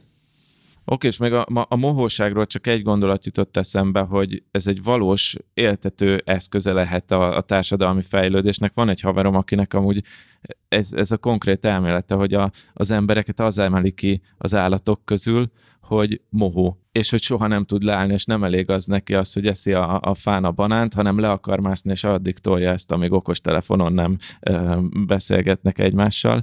Viszont itt lehet, hogy fontos lenne a, a végtelen mohóságban, meg a végtelen kapitalizmusban az államnak a szerepe, mert hogy valahogy itt történelmileg azért úgy van, hogy, a, hogy a, az állam van arra, hogy ellensúlyozza a, a piacot, meg hogyha valami esetleg beteg dolog történik már a piacon, viszont az államok meg egyébként a nagy bankok sem 2021-ben nem annyira kedvelik a bitcoint és a kriptovalutákat általában. Ez miért van? A hatalomnak a lényege az a hatalom. És, és nyilván a, a központi bankok, a tradicionális szereplők nem feltétlenül örülnek ezeknek a challenger szerepnek, hogy jön egy, egy, egy új szereplő, aki képes egyébként pénzt mozgatni, uh, anélkül, hogy, hogy nekik lenne beleszólásuk. És még olyan négy, négy vagy öt éve lehetett ez mondás, hogy, hogy nem a bitcoin a lényeg, hanem a blockchain, ami ami nyilván bullshit, mert hogyha megérted a, tehát ha megértjük, hogy miről szól a bitcoin, akkor gyakorlatilag a bitcoin ez egy Excel táblázat. Egyetlen egy Excel táblázat van megosztva nagyon-nagyon sok számítógépen. És ugye ezekben vannak az úgynevezett tranzakciók, tehát hogy én például egy morítékba, vagy egy, egy sorba bele tudom írni azt, hogy küldök pénzt neked. És ezt nekem alá kell írni a saját privát kulcsommal, és, és nyilván, hogy ezt gyakorlatilag a privát kulcsnak a tudása az jogosít fel, hogy pénzt tovább küldjek, és nyilván olyan pénzt, ami egyébként már nálam volt. És ha a privát kulcsom az kitudódik, akkor ez már nem az enyém, azt el tudják küldeni. Tehát ezért ez nem úgy működik, mint egy szép, ez igazából csak az információk a tudásáról szól. És ugye nyilván ez egy tök jó proposition, hogy át tudok menni a bármelyik országba, az egész kontinens át tudom repülni, a föld túloldalára, és magammal tudom minden vagyonomat, nélkül, hogy bárki látná, mert csak a fejemben vannak a, van a privát kulcsomnak a visszaállításához szükséges szavak. De ez amúgy valós félelem, nem? Tehát, hogy amit a, a kormányok mondanak, hogy akkor a blockchain, meg a, a bitcoin, most egyelőre csak a bitcoinról beszélünk, aztán belemegyünk majd a, az Ethereumba is, hogy valójában a, a bitcoinnak az értékajánlata jelenleg az az, hogyha jól értem, hogy ez egy alternatív fizetési eszköz lesz. A kormányok pedig azért támadják ezt, jelenleg amúgy elég aktívan, ahogy így a hírekben olvasom, mert hogy félnek tőle, hogy kicsúszik a kezükből az irányítás, és hogyha kicsúszik a kezükből az irányítás, akkor mondjuk nem tudják azt megtenni, hogy a pandémiára, ha esetleg vagy jön akármi hasonló a jövőben, akkor úgy reagálnak, hogy gyorsan nyomtatnak pénzt. Márpedig nem azt mondom, hogy a pénznyomtatás jó, de hogy valamilyen szinten azért van logika abban, nem, hogy, hogy egy államháztartásnak így, így bele tud avatkozni egy kicsit, hogyha szükség van rá a gazdaságban. Abszolút, tehát ugye a monetáris politika feletti kontroll az egy nagyon-nagyon hasznos dolog, és nyilván, hogy ez az eurózónában pro-kontra, hogyha euró van, annak például egy hátránya lehet az, hogy egyébként nem teljesen szabadon dönthetsz, sőt, nagyon korlátozottan dönthetsz, hogy mit csinálsz a pénzzel. Ugye ez nem jó vagy rossz, ez csak egy adottság. Kétféleképpen lehet felfogni a bitcoin jelenséget, vagy kétféleképpen lehet rá reagálni. Az egyik az az, hogy veszélyként, a másik az, hogy lehetőségként tekintenek rá. És ez nem teljesen igaz az, hogy mindenki veszélyként tekintene rá. Lást például Svájcban cug környékét, akik ugye nagyon-nagyon hamar felismerték annak a lehetőségét, hogyha ide vonzzák egyébként a különböző blockchain-es alapítványokat, akkor ez egy nagyon jól fellendítő hatással tud bírni ott a, a környéken. És ugyanígy például Miami, Miami-nak a kormányzója is már vizsgálja gyakorlatilag a lehetőséget, hogy bitcoinmal fizessék ki a közalkalmazottakat, nagyon-nagyon beleálltak abba, hogy a szilícium völgytől elvonzák a, a cégeket, tehát van egy viszonylag nagy exodus egyébként a blockchain-től eltekintve, ami, a, ami így ilyen kiáramlás, nagy cégnek a kiáramlása a szilícium völgyből, akár Texas Austinba, vagy Miami környékre, stb. Tehát igazából én azt gondolom, hogy a világnak azok a részei, akik lehetőségként tekintenek rá, azok egyébként valószínűleg előrébb is fognak jutni hosszú távon, mint azok, azok akik mint egy hatalmat veszélyeztető eszközként tekintenek rá. De szerinted ez realitás egyébként, hogy mondjuk, mit tudom, én most mondok valamit 30 év múlva, vagy 40 év múlva a bitcoinnal fizetünk a piacon, és nem forinttal, vagy dollárral, vagy akármivel? Ugye ez nagyon sokáig ez volt a beszédtéma, és ez volt a legnagyobb kritika a bitcoin kapcsolatban nagyon volatilis. És nyilván ugye még egy fejlődő piacra van szó, ez egy tök valid point, tehát hogy ez, ez így rendben is van, ez így is van, és hogy nyilván ha kinő, akkor kevés, kinövi magát, kevésbé lesz volatilis. És ugye nyilván jött, jött egy változás a piacon, hogy még a bitcoin ez egy fizetési hálózat volt elsősorban, és annak is lett megalkotva, megjelentek a különböző smart contract rendszerek, és ugye ebből volt az legelső ilyen mainstream rendszer az Ethereum, ahol már nem csak egy Excel táblában, tehát nem az, hogy egyetlen egy Excel tábla van karban tartva, és akkor nyilván akik beleírhatják a tranzakciókat az Excel táblába, ők a bányászok, és ezért, hogy ők bele tudják írni, ezért sok számítást kell végezni. Ez a bitcoinnak a logikája. Igen, és, és ugye nagyon, nagyon sok számítást végrehajtanak, és megnyerik a jogot arra, hogy, hogy beleírhassanak egy tranzakciót, kapnak egyébként egy csökkenő mennyiségű bitcoint. És ezt hívják, ez négy évente van nagyjából, ezt hívják ilyen felezési események, a halving event, és nyilván ők ezért uh, incentivizáltak, vagy ezért ösztönözöttek abban, hogy létre, vagy részt vegyenek az egésznek a fenntartásában. És ugye itt csatolnék vissza arra a pontra, hogy magának a bitcoinnak nem csak a blockchain a lényege, hanem maga a bitcoin. Tehát, hogy gazdaságilag ösztönözve van minden szereplő, hogy ne a rendszer ellen, hanem a rendszernek a fenntartásán dolgozzon. Ez alatt mit értesz egyébként? Tehát, hogy oké, okay, hogy van ez a felezés, meg hogy de hogy pontosan hogy van ösztönözve minden egyes szereplő abban, hogy a rendszer, mert szerintem valahol ez a kulcs annak, hogy a bitcoin fennmarad-e hát vagy ugye, sem, ez az ösztönzés. Igen, tehát ugye a, a maga bitcoin egy, egy fix supply tehát 21 millió bitcoin lesz valaha. Egy nagyon egyszerű monetáris politikával rendelkezik, lesz 21 millió bitcoin, és minden egyes blogban, vagy minden egyes ilyen bejegyzésben, ami az Excel táblában most így idézőjelesen létrejön, ugye abban kibányászódik idézőjelesen, vagy létrejön valamennyi bitcoin, ami a bányászt ösztönzi abban, hogy egyébként nagyon-nagyon sok számítási kapacitást allokáljon a hálózat fenntartására. Az elején egyébként vannak nagyon jó, nagyon jó elemzések arra, hogy Szatosinak mennyi bitcoinja lehet, és az elejétől kezdve nagyon odafigyelt arra, hogy gyakorlatilag ne legyen megtámadható a, a hálózat. Tehát, hogy legalább a 60%-a az biztonságban legyen. Tehát ne legyen az, hogy, hogy valaki például létrehoz egy hosszabb láncolatú bitcoin hálózat, és akkor vissza tudja görgetni a tranzakciókat, mert ugye az a logikája egyébként magának a bitcoinnak, hogy ha te letöltesz egy szoftvert, egy nódot, akkor te saját magadnak ki tudsz számolni mindent. Tehát ki tudod uh-huh. számolni, és tudod igazolni, hogy minden blokk az valid, tehát az tényleg ki lett bányászva, és minden eh, tranzakció valid, tehát tényleg megfelelően alá lett írva, és teljesen triviális, hogy hány bejegyzés van, tehát hány tranzakció, vagy hány blokk volt eddig, és és hogyha esetleg szétszakadna ez a hálózat, tehát hogy mondjuk lelövik az internetet, és mondjuk Ázsiában másképp bányáznak, bányásznak, mint a Föld másik felén, akkor, hogyha megint létrejön a kommunikáció, akkor minden egyes szereplő látja azt, hogy az elérhető Excel fájlok milyen hosszúak. És ugye a leghosszabb uh, hálózatot kezdik el egyébként bányászni ismét, mert ugye ez a főszabály, és illetve ugye tudja, tehát hogy ez egy ilyen játékelméleti dolog, hogy amúgy mindenki tisztában van vele, hogy ez a szabály, és, és amögött van gyakorlatilag a legtöbb munka. Tehát ez, ez, ez hívják proof of worknek, hogy az van úgymond idézőjelesen bebiztosítva a legjobban, az a lánc, ami a leghosszabb.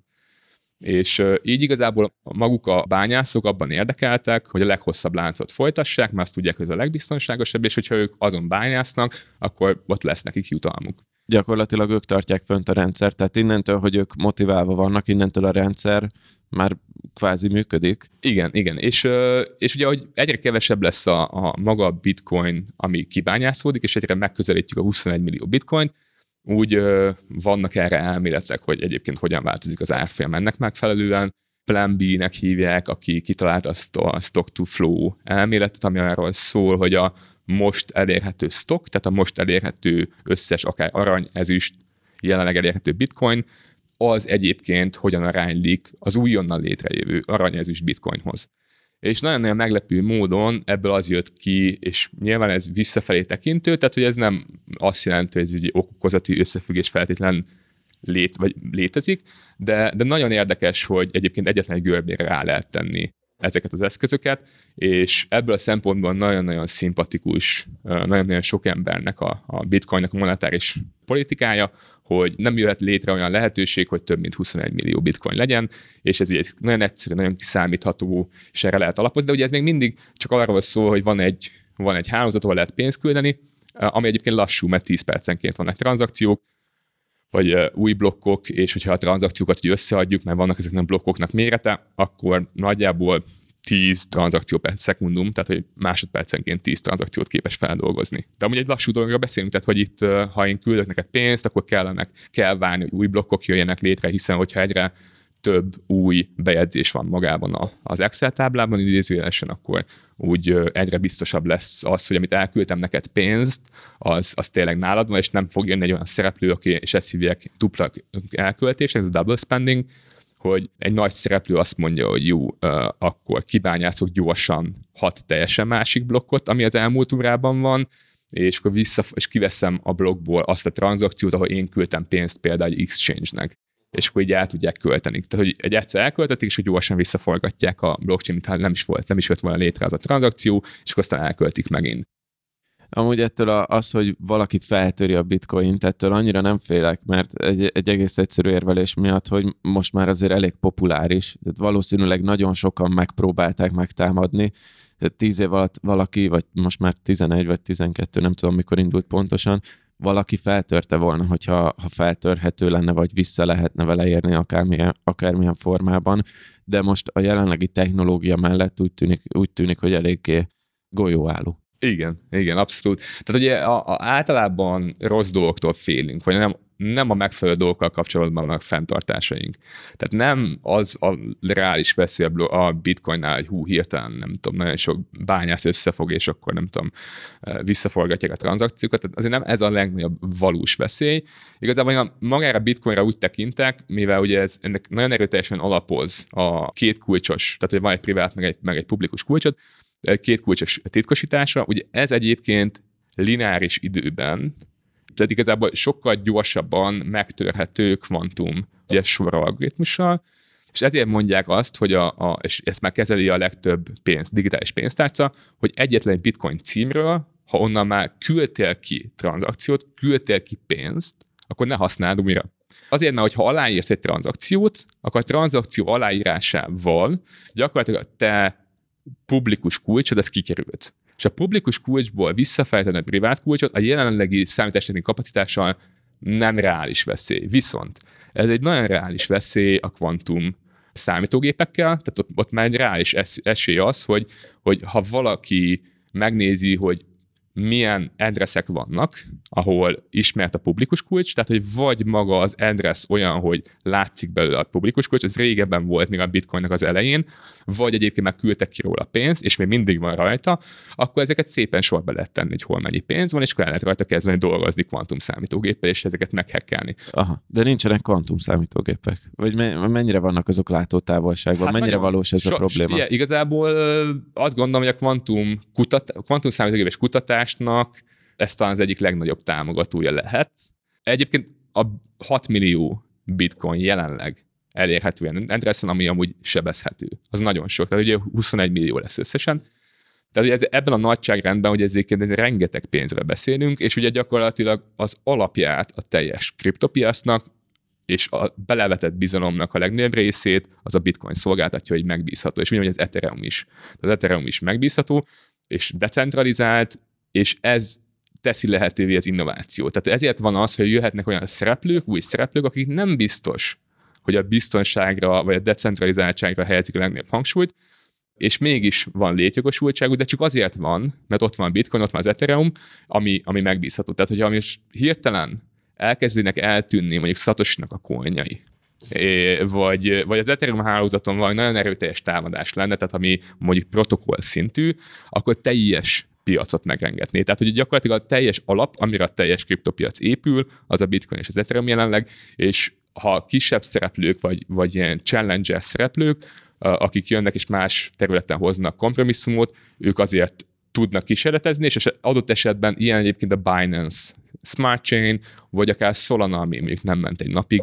Tehát így, azért fogadja el úgymond a piac, vagy azért, azért teszi ezt lehetővé a piac, mert egyébként úgymond a kripto az, az megbízható, és ez azért megbízható, mert Bitcoin meg az Ethereum megbízható, de van innovációs lehetőség az új projektekben. Viszont akkor visszakanyarodnék arra a kérdésre, hogy akkor vajon a Bitcoin az lesz fizetőeszköz, mert azért itt elhangzott sok minden, hogy egyrészt azért a rendszer elég stabil, elég jól működik, ez a pozitív oldal. A negatív oldal az az, hogy kicsit lassú, kicsit, kicsit drága. Te hogy látod? Vagy most nem, nyilván nem jóslatot várok, mert most nem, nem, az, nem az a célja ennek a podcastnek, csak hogy neked mi a víziód ezzel kapcsolatban? Gyakorlatilag narra- narratíváknak a versenye zajlik. És uh, ami a bitcoinnál vagy talán a legfelkapottabb narratíva lett, ez a digitális arany. Tehát gyakorlatilag arra, arra pozícióra felel meg jelenleg a legjobban a bitcoin, hogy, hogy viszonylag egyébként olcsón töredék bitcoint is, ugye, tehát nagyon-nagyon fel lehet darabolni a bitcoin, nem kell csak egy bitcoint megvenni, hanem a töredékét is meg tudod venni, tudod küldeni, stb. Tehát, hogy gyakorlatilag kényelmesen tudod tárolni és transferálni, de hasonlóan működik, mint az arany nagyon. Tehát, hogy van belőle egy, egy, sőt, talán még egyébként jobb egy picit a, a monetáris rendszer, mint az arany, de abból bitcoinban ténylegesen nem lesz több. De ugye mint digitális arany, és ugyanúgy, hogy a fizikai aranynak kb. 10%-a az, ami mondjuk gyártásban van, elektronikában van, stb. Azért a legnagyobb része a bitcoinnak az valószínűleg nem arra fog, és nem is arra tud megoldást nyújtani, hogy, fizetőeszközként működjön. Ugye még az elején, amikor volt a Bitcoin Talk fórum, ott a Satoshi mondta Bytemastersnek, hogy a, igen, a Bytemasters... Várj, várj, a Satoshi hogy tudott akármit is mondani, ő nem ismeretlen, vagy valamilyen anonim bejelentkezett? Nem, ugye ő neki elérhetőek az, egyrészt az e-mailjei, tehát azt vissza tudod nézni, hogy a, a, levelez, tehát a kriptolevelező listákon ő miket írt, meg egyébként a Bitcoin Talk fórumon aktív volt egy bizonyos ideig. Aha. Tehát, hogy neki egyébként így archívban elérhető, hogy ő mit kommunikál, de hogy nem tudjuk, hogy ki van mögötte, aha, aha. De, de, de a kommunikációja az elérhető, és, és Bytemasters egyébként ő alapította meg utána az EOS, meg a, meg a BitShares, tehát egy, egyébként viszonylag nagyobb kriptoprojekteket alapított ez a srác, de neki próbálta meg elmagyarázni Satoshi azt, hogy ugyanúgy, ahogy a bankozi elszámolás, az, az nem ugyanaz a rendszer, mint a vízának a rendszer. Tehát a bankközi elszámolás ez bizonyos időközönként történik, és egy nagyon lassú folyamat, és annak a biztonságára alapozva gyakorlatilag a víz és hasonló fizetési szolgáltatók tudnak működni. És ezt hívják amúgy Layer 1 és Layer 2, tehát ugye egy első, tehát Layer 1 az első rétegű fizetési megoldás, maga a Bitcoin, és például a Bitcoin nem a Lightning Network, ami, ami egy Layer 2-es megoldás, tehát gyakorlatilag egy független, de egyébként magára bitcoin biztonságába beépülő bizonyos időközönként beírják a, bitcoin hálózatba, hogy, hogy tehát hogy ez, úgy, ez úgy néz ki, ezek a layer 2 megoldások kb., hogy mi lekötünk egy pénzt, pénzmennyiséget, és utána mi egymás között tranzaktálunk. És ugye mi egymás között tranzaktálunk, ezt nem kell visszaírni magába a blockchainbe, de hogyha adott esetben valaki például visszaél, akkor egyébként mivel aláír, aláírjuk egymás között a tranzakciókat, de nagyon gyorsan működik, ezért működik az, hogy nem kell becsekkolnunk, de hogyha valamelyikünk például azt mondod, hogy volt hat tranzakció közöttünk, és te azt mondod, hogy a negyedik tranzakció volt a legutolsó, akkor ott van egy ilyen challenger periód, és én mondhatom azt, hogy egyébként itt van az aláírás, és látszik, és ez validálható, hogy, hogy nem négy volt, hanem hat, és akkor nyilván nekem lesz igazam. Ez egy ilyen off-chain megoldás, és ez, ugye ezt a smart contract rendszerekben is használják, fizetési channeleknek hívják például, ilyen generalizált status, generalized state channeleknek hívják, gyakorlatilag mi bekötünk pénzt, és egymás között tranzaktálunk, és annak az állapotát, ha vissza akar valaki élni, és azt mondani, hogy fél elküldesz nekem mondjuk, tehát még a negyedik tranzakcióban elküldesz nekem 100 dollárt, és azt mondom a blockchain hogy fél, itt van a harmadik tranzakciót, volt még 100 dollárom, akkor én oda tudok menni a blockchain, és meg tudom mutatni, nem, mert te aláírtad a saját privát kulcsoddal, azt a 100 dollár az már nálam van. Tehát gyakorlatilag mint egy, mint egy bíróság úgy működik a blockchain. Tehát, hogyha mi egymás között nem tudunk elszámolni, vagy valamelyikünk vissza akar élni, akkor oda tudunk menni a blockchainhez, és, és a blockchain el tudja dönteni, hogy kinek van igaza.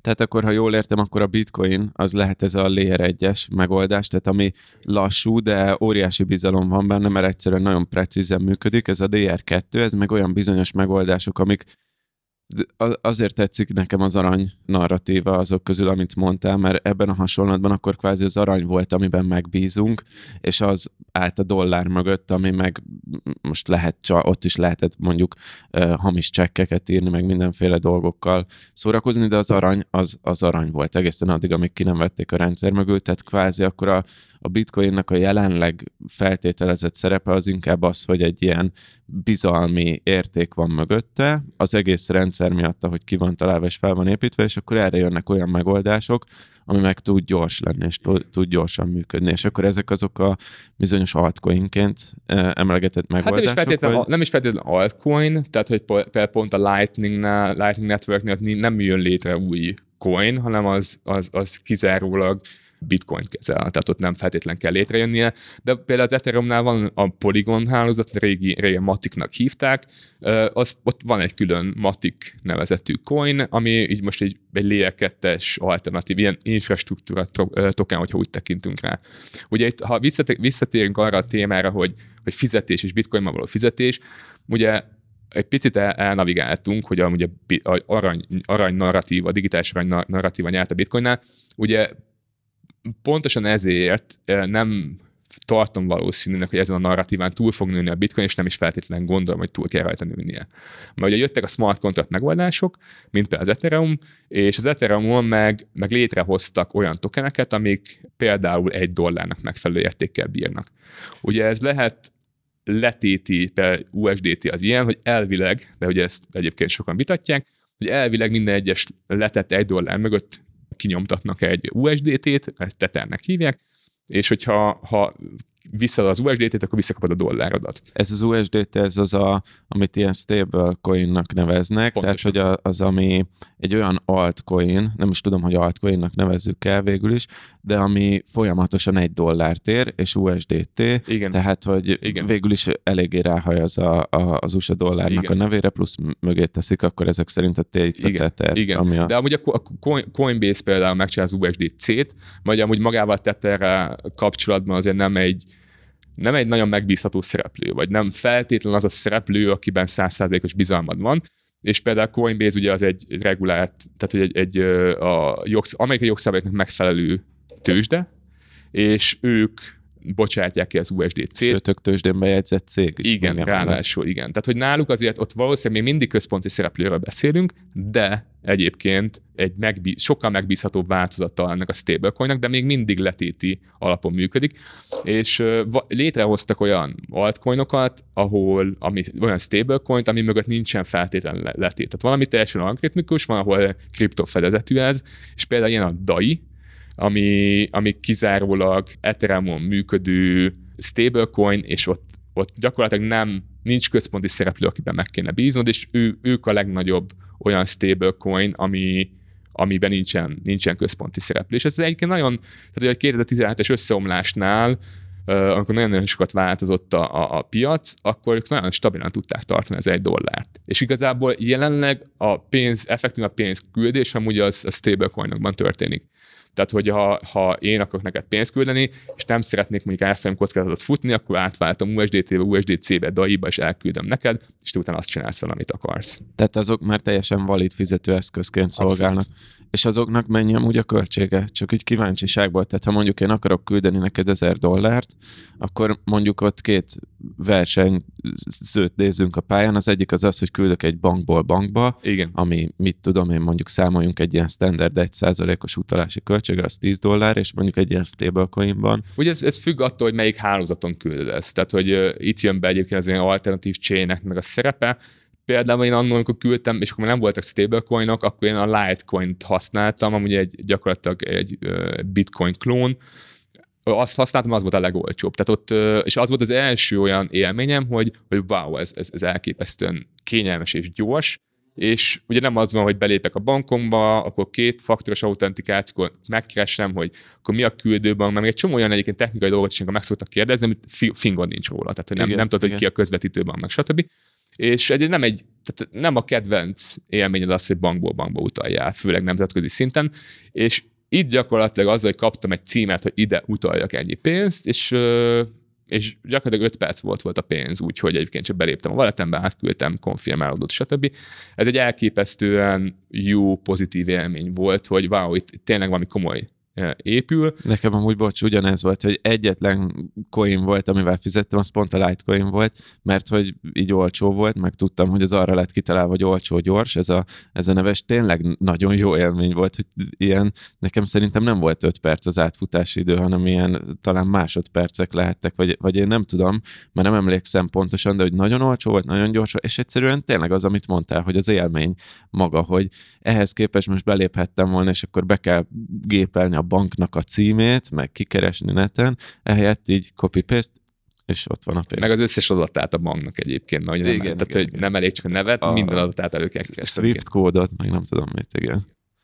Oké, okay, beszéltünk bitcoinról, altcoinokról egy nagyon kicsit, viszont engem ami nagyon érdekel, az a második legnagyobb szereplő, amiről én a bitcoinról egy, azért tudtam valamennyit az adás előtt, az Ethereum viszont egy kicsit homály nekem, viszont te pont abba mentél bele mélyebben, hogy az Ethereumnak mi a szerepe? Vagy mi a tervezett szerepe, és mi a jelenlegi szerepe a világban? Mint ugye a, a hallgatóknak mondom, aki esetleg nem tudja, hogy ez a második legnagyobb piaci szereplő jelenleg a kriptovilágban, és kb. a piaci kapitalizációja, tehát hogy a, a jelenlegi úgymond idézőjeles értéke, az kb. a fele vagy az egyharmada a bitcoinnak, tehát hogy nagy annak is. Hatalmas, igen. Tehát ugye a Ethereumnak volt egyébként legalább tíz alapítója, és akkor Vitalik Buterin úgy hívják egyébként, aki gyakorlatilag a legismertebb név mögötte. Ő valami... És ő egy létező ember. Ő egy létező ember, igen. Tehát ő, ő egy létező ember, és és hát nem is akármilyen ember. Tehát, hogy uh, én találkoztam, volt szerencsém találkozni vele, meg beszélni is pár mondatot, és hát hatalmas koponya, és ugye ez nem csak nem csak átvitt értelemben, hogy elképesztően akkor sem, tényleg hatalmas feje van. És, Én tehát is így, láttam így, róla fotókat. Tehát így fizikailag egy, egy hatalmas fej van, egy, egyébként nagyon vékony testen, és szerintem nagyjából pont így elbírja a fejét a teste. és de nagyon, nagyon elképesztően értelmes ember. És ugye ő alapította tíz társa, de aztán nyilván mindenki azt mondja magáról, hogy co-founder a Ethereum, tehát hogy az, az sikernek nagyon sok gazdája van, és ő azt állítja, hogy talán ez volt az egyik legnagyobb hiba, hogy, hogy nem annyira válogatott az alapítótársakban, vagy nem eléggé szűrte meg őket. Így igazából ez egy smart contract rendszer, ami azt jelenti, hogy még egy Excel tábla mondjuk a, a, a Bitcoin, addig az Ethereum az egy számítógép, egy, úgy, úgy, talán így lehet a legjobban elképzelni mentális modellként, hogy egy számítógép a, mondjuk a könyvtárban, ahol fizetned kell, hogy oda üljél, és valami számítási kapacitás, vagy valamit számítsál. És nyilván technológiailag az történik, hogy ezt a számítási manővert, amiket éppen vagy leülsz és végrehajtasz, azt egyébként mindenki, az összes úgymond nód, tehát az összes olyan csomópont, aki biztosítja a hálózatnak a biztonságot, ők ezt replikálják. Tehát ők is végrehajtják ezeket a számításokat, de effektíven amúgy egyetlen egy számítógéphez van úgy idézősen hozzáférés, és az, hogy ott számítást végezzél, fizetned kell gázköltséget. És attól függően, mennyire bonyolult a számítás, ez lehet olcsó, ez lehet nagyon drága. Nyilván, hogyha ha csak pénzt küldesz, az viszonylag olcsó, az most 20 ezer gáz, kölcs, 20 ezer gáz kell hozzá, de hogyha egy smart kontraktot hozol létre, akkor az kell, nem tudom, átlagban mondjuk egy millió, és hogy van egy ilyen blokk limit, hogy mekkora lehet az összes gázköltség egyetlen egy blokkon belül. És ma, ugye az ethereum úgy hozták létre, hogy minden, amit egyébként matematikai ki tudsz fejezni, azt, azt le lehessen kódolni, tehát hogy egy nagyon rugalmas rendszer, de, de ugye ez úgy, úgy jó megérteni, hogy maga a számítógép az nincsen rákötve az internetre. Ez azért fontos, mert a számítógép az nem tud arról az információról, ami nincs rajta a blockchainen. Tehát ez azt jelenti, hogy, hogy milyen az időjárás, az, hogy mennyi az árfolyam, az arany meg a dollár árfolyam, azt nem tudja a blockchain. Tehát maga ez az Ethereum. Ez igen, az Ethereum nem tudja. Ehhez kellenek, oracle hívják őket, orákulumok, aki beáll a sorba, kifizeti a díjat, és bepötyögi a számítógépe, hogy most éppen ebben a pillanatban ennyi volt az árfolyam. És erre vannak különböző rendszerek, ilyen Oracle rendszerek, a legnagyobb az a Chainlink, ahol ösztönözve vannak egyébként a szereplők, hogy beálljanak a sorba, és kifizessék a gázköltségét annak, hogy beírják, hogy egyébként mennyi most az arany vagy a dollárnak az árfolyama. És ezekben a rendszerekben már amúgy úgy idézőjelesen bármit létre lehet hozni, és ugye ennek a nagyon jó megtestesülései nem csak a stablecoinok, amikről már beszéltünk, hanem a decentralizált exchange-ek, ezek a decentralizált tőzsdei platformok. Tehát vannak olyan rendszer, és ugye ez, emlékszem erre, amikor még a, a legelső szereplő, 2016-ban Bankor volt, ami 135 millió dollárt rézelt, gyakorlatilag 32 sor kódra. És ők azt tették lehetővé, hogy egy, egy az Ethereum hálózaton bárki tudjon váltani tokenek között. Tehát én azt mondom, hogy most akarok venni, nem tudom, Chainlinket például USDT-t cserébe, vagy fordítva el akarok adni, akkor van egy, egy központ ilyen smart contract, ami előre le van írva, hogy hogy működik, föl van töltve az Ethereum hálózat, és utána az előre meghatározott szabályokon egyébként nem lehet változtatni. Tehát akkor ez is olyan, hogy ez a, az Ethereum ez egy kvázi ez egy ilyen layer 1 megoldás. Igen. Ez lehetővé tesz dolgokat, és akkor erre elkezdenek épülni különböző megoldások. Igen. Amire most a példát, amit mondtál, akkor ha jól értem, az egy ilyen tőzsdei váltó. Most akkor itt Igen. pont kriptóról beszélünk, tehát hogy altcoin altcoinra lehet váltani. Igen. De amúgy, ha jól tudom, itt vannak már mindenféle tényleges ilyen tőzsdei megoldások, vagy deviza megoldások, hogy akkor ez a kriptósok által fiat, de hogy valós pénzt tud váltani. Igen. Ugye ez a valós, valós pénz az azt jelenti, hogy technikailag valamilyen stablecoin-t tud uh-huh. egyébként kriptocoinra, tehát az USDT, USDC, DAI, ugye, tehát ha 100 dollárért akarok venni bitcoint az Ethereum hálózaton, az lehetséges, és az úgy történik, hogy amúgy vannak ilyen csomagoló, ilyen wrap szolgáltatók, mert Wrapped BTC, WBTC például, hogy te a BTC hálózatra beküldesz mondjuk egy bizonyos címre mondjuk egy etert, és azt ki tudod venni, vagy ezt kibocsátják egyébként a túloldalon a, az Ethereum hálózaton, és akkor te azt ugyanúgy tudod küldözgetni ezt a bitcoint, mint hogyha ha, ha bármilyen más token lenne. Azt gondolom az egyik legjobb mentális modellnek, hogy a layer egy szolgáltató gyakorlatilag a, az autóutak, az autópályák Egyébként miért mennél fel egy autópályára, mert oda akarsz valahol menni, és miért akarsz oda menni? Ugye ez a ilyen killer application a, a abszolút a pénzszolgáltatók, vagy a pénzt lehet keresni, hogyan lehet pénzt keresni, például lehet mm, tőkét nyújtani ezeknek a váltóknak. Mert tehát nyújtasz tőkét, akkor az ottani váltásokból származó díjaknak egy százalékát megkapod, tehát hogy te csak azzal, hogy tőkét nyújtasz, azzal például tudsz tudsz pénzhez jutni, anélkül egyébként nincsen más dolgod vele. Uh-huh. És ugyanígy uh, lehet egyébként biztosítást venni, tehát hogy vannak biztosító, Nexus Mutual például, tehát vannak ilyen biztosító szolgáltatók, uh, ahol például tudsz uh, kötni biztosítást arra, hogyha smart contract meg, meghekkelik, akkor azt visszakapd azt a pénzt, uh, vagy hogyha ha egy ilyen stablecoinnak az ára például nagyon-nagyon változik, a két, két és fél százalékos költségen kb. Uh, tudsz biztosítást vásárolni, illetve ugye mint, vannak olyan szolgáltatók, mint bankbetéti szolgáltató kb., hogy te csak beteszed a, mindig áve, meg hasonló szolgáltatók, hogy beteszed a pénzt, és ők meg tovább, tovább adják azt a pénzt, mint hitel intézet működnek ezek a szolgáltatók, és hogy ezek mind olyan, olyan szereplők, hogy hogy maga a rendszernek a fenntartása az egy decentralizált rendszer, tehát hogy van fönt vagy smart contract, lehet propózálokat feltenni, és lehet rájuk szavazni, meg lehet ugye venni az ő tokenüket, és akkor te is mindegy részvényes, kvázi tudsz szavazni különböző döntésekben. És ugye ez mivel az Ethereum hálózaton fut, vagy hasonló smart contract hálózatokon fut, ez egy teljesen transzparens minden.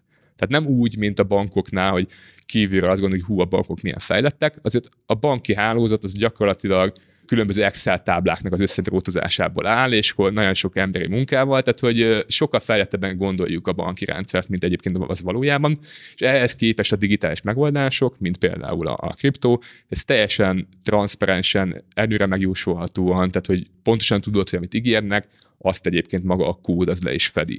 És hogyha ha te nem vagy képes ezt megérteni, mármint nagyon sokan nem, nem feltétlenül értenek hozzá annyira, akkor meg tudsz rá biztosítást venni. És akkor veszel rá biztosítást, és meghekkelik a smart contractot, tehát hogy a, nem volt biztonságos a, safe például a bankban, és kirabolták, akkor kapsz a biztosítótól pénzt. És elképesztően jó megoldások vannak. Gyakorlatilag most, hogyha kicsit nem feltétlen pozitívan, de talán egy jó példával úgy lehetne ezt megfogalmazni, hogy az autópályára azért mész föl, mert egyébként tök jó kaszinók vannak, és lehet pénzt, pénzt keresni. De ugye ezeknek nem mindegyik úgy működik, mint egy kaszinó, tehát hogy nem feltétlen úgy idézőjelesen nem kockáztat túl sokat, tehát hogy nyilván van egy technológiai kockázat, nyilván van, van a, a, akár abban, hogy jön egy napkitérés, és akkor nem tudom, a számítógépes hálózatok akkor így, így meghalnak, tehát hogy vagy kvantum számítógéppel meghekkelik a, a bitcoin, sebezhető bitcoinokat, tehát hogy azért sok olyan dolog van, ami egyébként a kripton kívül áll, és nem feltétlenül nulla kockázata, de hogyha egy, ezektől eltekintünk, akkor egy kifejezetten szerencsejátékozás nélkül is lehet pénzt generálni. Viszont a, ha még maradjunk egy kicsit az Ethereumnál, hogy az Ethereumnak ez a smart contract, okos szerződések, Igen. vagy nem tudom, hogy van ez magyarra fordítva. Ez a célja, de ha jól értem, akkor most elsősorban még amire ténylegesen implementálva van, mert én amikor ezt meghallottam, hogy smart contract, akkor az jutott eszembe, hogy akkor majd biztos valamilyen lakásadásvételt is előbb-utóbb majd lehet Igen. ebben intézni, ügyvéd nélkül, mit Igen. tudom én.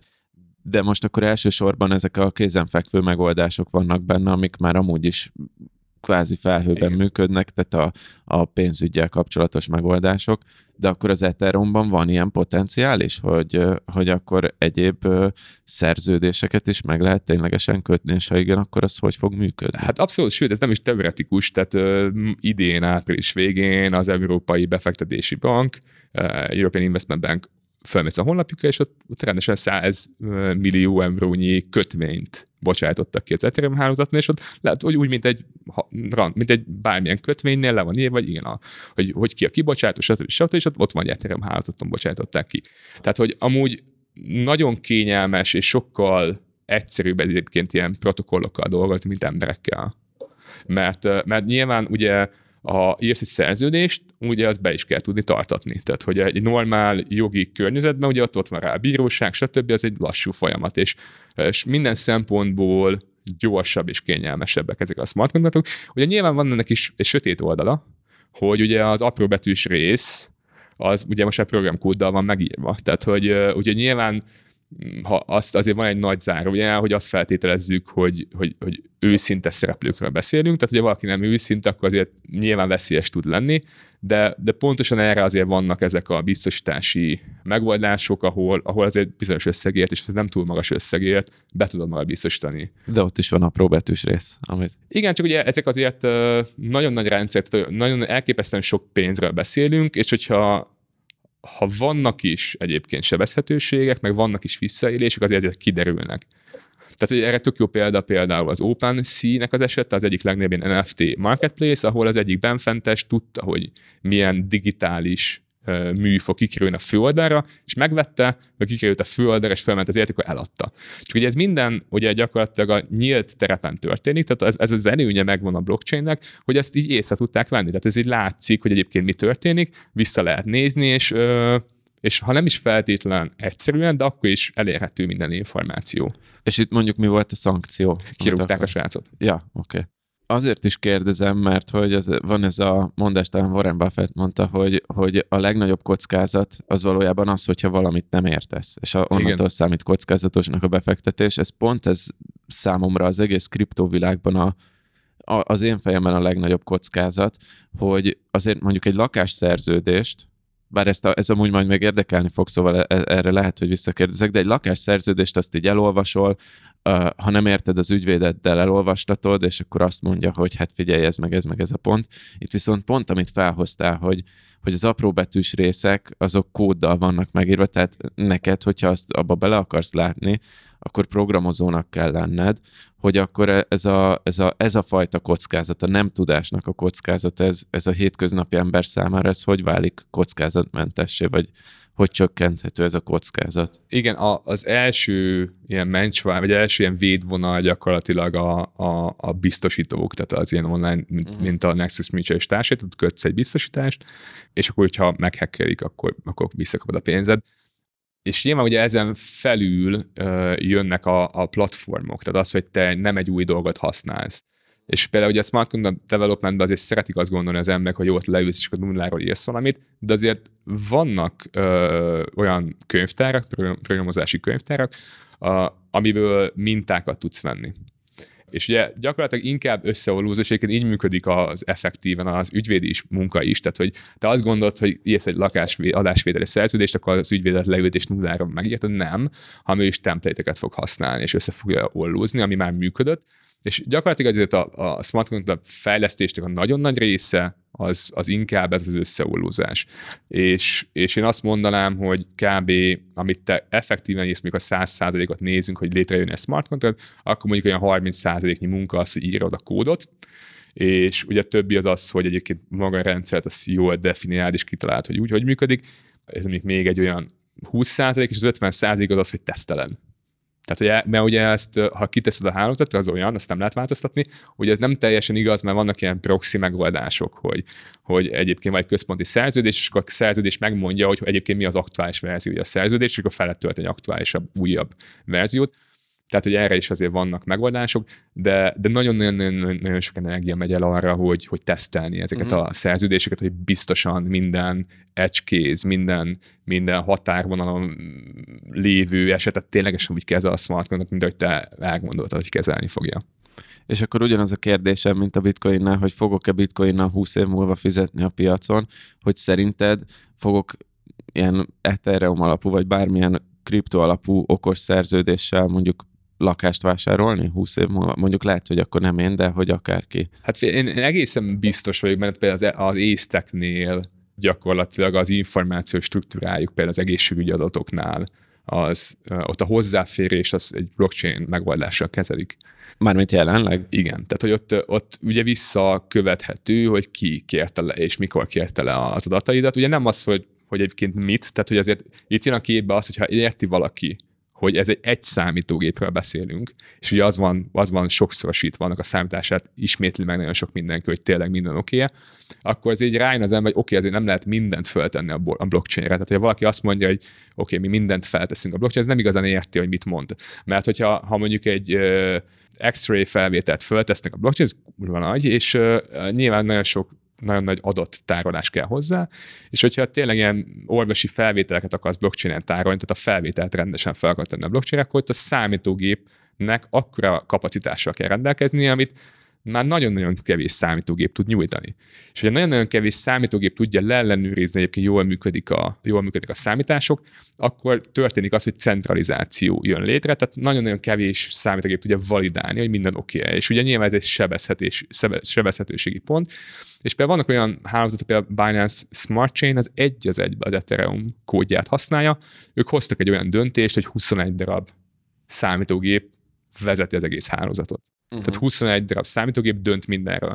Nyilván ugye ez egy kommunikációs sebességben, mert nyilván ez a nagyon nagy nehézség a blockchain skálázásában, hogyha nagyon-nagyon sokan vehetnek részt benne, akkor a köztük lévő kommunikáció koordinálása az lassú. Tehát az egy limitet ad. És nyilván, ha ezt leszorítják 21 akkor nagyon-nagyon gyors tud lenni. Tehát így fel tudták gyorsítani például a Binance Smart Chain, olcsó is tud lenni.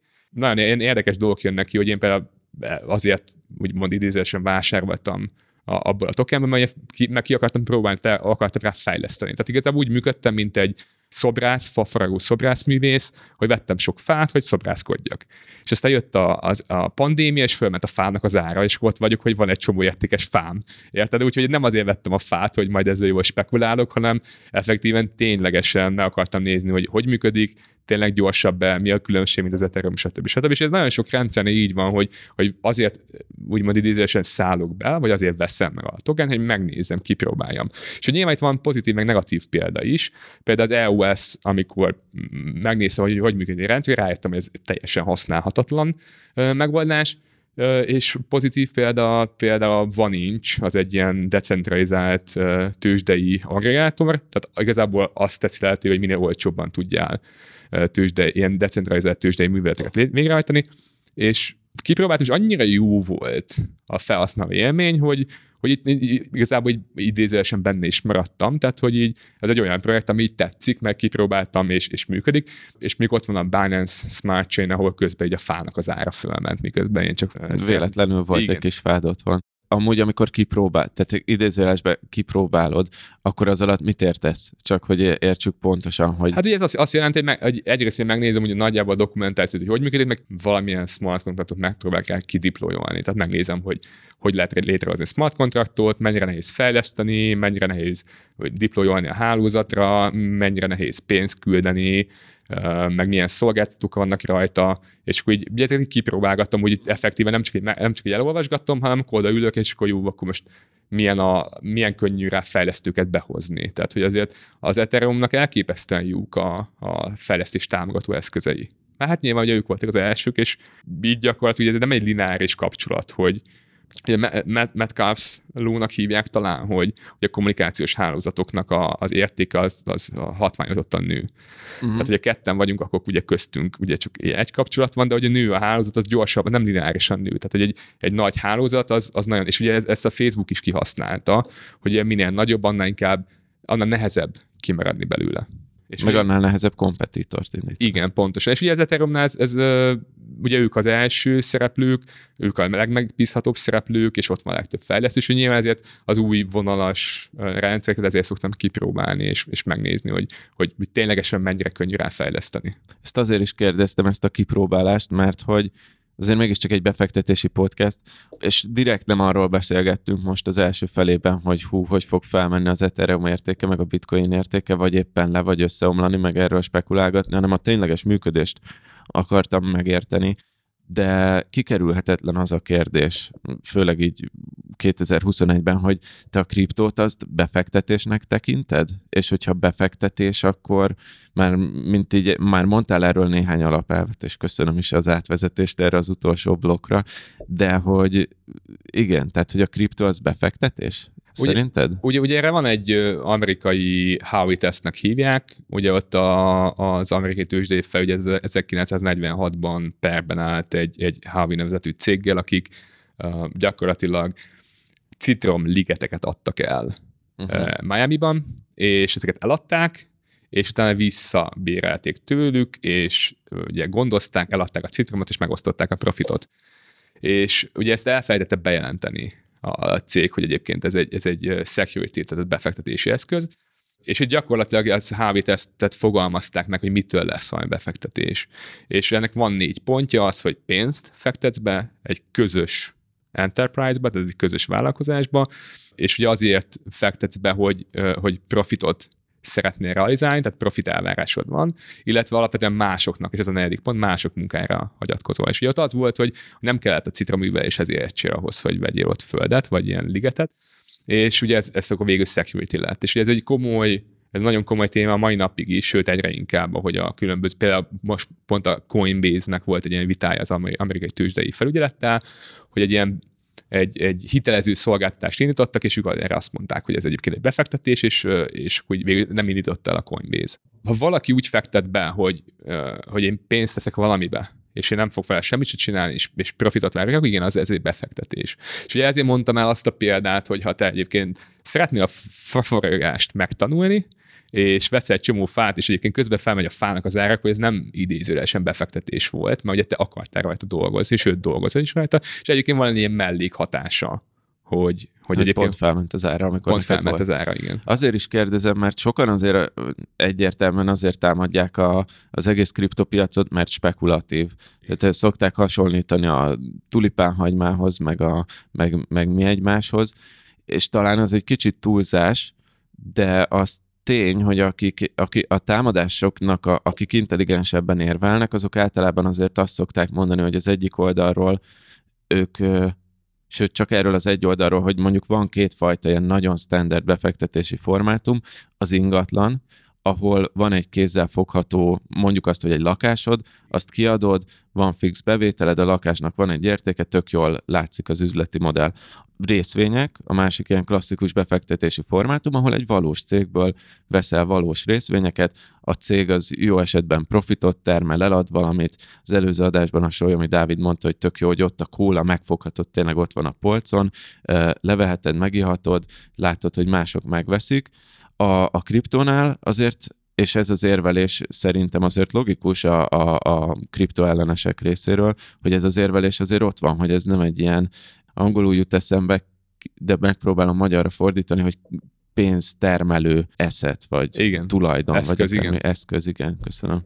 Hát figyelj, igazából, ha nézzük, hogy mi mennyire kockázatos, akkor például pont szembe Bankman Fried mondta, hogy két idézősen kockázatmentes módja van, hogy pénzt keressél. Az egyik az, hogy ha arbitrás dolgot hajtasz végre, hogy itt nyilván értened kell hozzá, tehát különböző... Mármint ezt kifejezetten a kriptóra Kifejezetten a kriptóra, igen. Tehát, hogy ott, ott két lehetőséget, vagy, vagy arbitrázsolsz akár decentralizált tőzsdéken, vagy, vagy rendes tőzsdék között, vagy egyébként yield, yield generation-nek hívják, tehát ez a hozam generálás, hogy például ugye mi a, a különböző szolgáltatóknak odaad a pénzet, hogy egyébként ők kihitelezzék azt. Uh-huh. Uh-huh. És hogy ez idézőjelesen egyébként, ami, ami a kockázatmentes, nekem nagyon Hát sarkos... ez kvázi olyan, mint egy bankbetét. Igen, amúgy. igen, igen, igen. Az ar- bocs, amúgy, ö, a, hogy belevágok, csak hogy az arbitrázs, aki meg így annyira ö, nem ismeri még ezt a fogalmat, a, az pedig kvázi az, hogy amikor régen mondjuk az egyik váltónál Budapest, Dél-Budapesten a dollár 290 forint volt, vagy akkor inkább 150 forint volt, a másik váltónál meg el tudtad adni ezt ö, 152 forintért, mert véletlenül ilyen nagy eltérés volt, és akkor meg nem tudtak kommunikálni, akkor gyorsan leszaladtál Dél, Dél, Délpestre, megvetted ott, mit tudom én, 150 millió forintnyi dollárt, eladtad a másikban 152-ért, és remélted, hogy addig nem megy le, és kerestél 2 millió forintot, ez az arbitrás. Igen, ez, ez, ez. Hogy az ár eltéréseket gyakorlatilag kihasználod. Uh-huh. Tehát ahol drága, ott eladod, ahol olcsó megveszed. És ugye itt uh, amúgy tetszés mélységre lehet ásni, és az nagyon mélyre nem szeretnék most menni, de, de azért van egy ilyen nagyon jó tulajdonsága a smart content rendszereknek, hogy atomikusan lehet végrehajtani dolgokat. Ez azt jelenti, hogy én például azt mondom, hogy itt van egy tranzakció, és, és én azt szeretném, hogy, hogy megvegyem itt, ott eladjam, és hogyha nincsen nincsen különbség, akkor, akkor akkor, akkor igazából csak kifizetem a gázköltséget, de nem akarom, hogy megtörténjen a tranzakció. Tehát nem tudok veszíteni, úgymond idézőjelesen. Aha, mert írsz erre egy kódot, hogy ezt így Igen. nézegesse neked Igen. az arbitrázs lehetőségeket. igen, igen, igen, igen. Tehát, hogy tényleg ez, ez utána innen mélyre megy, mert amúgy ez ilyen miner extraction value MLV-nek hívják, vagy igazából most már maximal extraction value-nek hívják, hogy vannak olyan szereplők a piacon, akik nézik ezeket az arbitrázs lehetőségeket, és hogyha lát, látnak egy tök jó lehetőséget, akkor beküldik a tranzakciót. De ugye ezt sokan látják, ezért ez drága lesz. Tehát azért, ahhoz, hogy a számítógéphez Mhm. odaférjen minél gyorsabban, ezért a te profitodnak, mondjuk az ilyen decentralizált exchange-eken létrehozott arbitrázsnak akár 80-90 százaléket, és oda kell, a, idézőesen oda kell adnod a bányászoknak, mert van, aki egyszerűen csak játékelméleti kérdésként hajlandó többet fizetni azért, hogy úgy idézőjelesen, kockázatmentesen Aha, profitot tehát már az arbitrázs is piaci alapra lett helyezve. Igen, igen. Na, Igen, és ugye itt, itt vannak olyan szereplők, akik például, hogy, hogy ha te beküldesz egy tranzakciót, akkor figyelik a hálózatot, és megnézik, hogyha ők küldenék be ugyanazt a tranzakciót, akkor több pénzhez jutnának-e. És Mhm. ha igen, akkor beküldik ők nyilván többet, nagyobb gázköltséget fizetve, és, és úgy csinálnak ö, ö, pénzt, és ugye itt ugye egy, na, na, vannak ilyen szendvics etekek például, hogyha te egy nagyobb nagyobb összeget mondjuk akarsz mozgatni a decentralizált exchange-et, váltani akarsz, nem tudom, 10 millió dollárt, vagy annyit akarsz bitcoint venni, akkor eléd meg mögéd betesznek, a te tranzakciód elé meg mögé betesznek egy olyan tranzakciót, hogy, hogy nyilván a, a, ők profitáljanak abból az árfolyam mozgásból, amit te fogsz generálni. Mhm. És vannak erre szolgáltatók, vagy ez igen tranzakciók között nem működött még ez a fajta atomikus végrehajtás, de vannak már erre szolgáltatók, hogy te beküldöd így egybe, hogy akkor téd előtt meg mögött szeretném én akkor ilyen szendvicsetekben megtámadni a te tranzakciódat, és akkor utána így, így, így hát ugye egy pénzt tudok generálni abból, hogyha csak figyelem a hálózatot, nyilván értenem kell hozzá, és akkor van, erre létrehozták, és akkor nyilván ez így a végtelenségig megy, hogy létrehoztak egy olyat, hogy, hogy szalmonella támadás a szendvicsetekre, hogy, hogy amikor beküldtek egy, tehát olyan, olyan szerződést hoztak létre, hogyha, tehát hogyha a megfelelő cím adja vagy veszi, akkor normálisan működik, ha bárki más adja vagy veszi, akkor nem történik meg mögötte ez a tranzakció. És, és akkor ugye egyik nagyon, nagy- tehát ilyen 80 etert azt hiszem húzott be ezzel a srác, tehát ezeket az automata botokat elkezdték szivatni, Aha. és ez egy 80 millió forintról beszélünk jelenleg, tehát ez nem kevés pénz.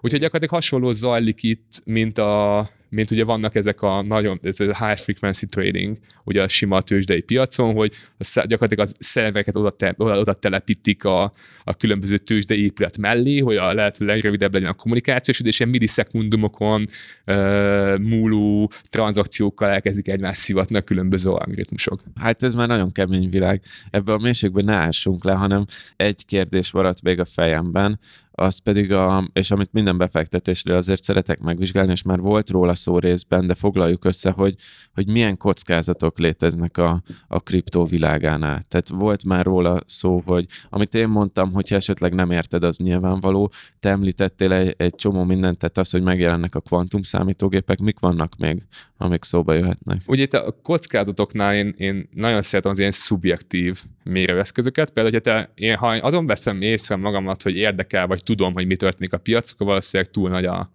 a, a, a kitettségem a piac irányában, Aha. illetve hogyha már így nem tudom... De és ezt te nem szereted? Tehát, hogyha ha túl nagy a kitettséged, az már... Hát nem, hogy ez zavar, ne zavarjon. Tehát, hogy én azt gondolom, hogy ha ez mondjuk a hétköznapi életemet befolyásolja, akkor ez valószínűleg nem egészséges. Ez nyilván ez az én teljesen szubjektív megítélésem, vagy egy, vagy egy ilyen döntés, hogy nem szeretném, hogy ez, ez mondjuk befolyásolja, hogy hogyan alszom éjszakánként, stb.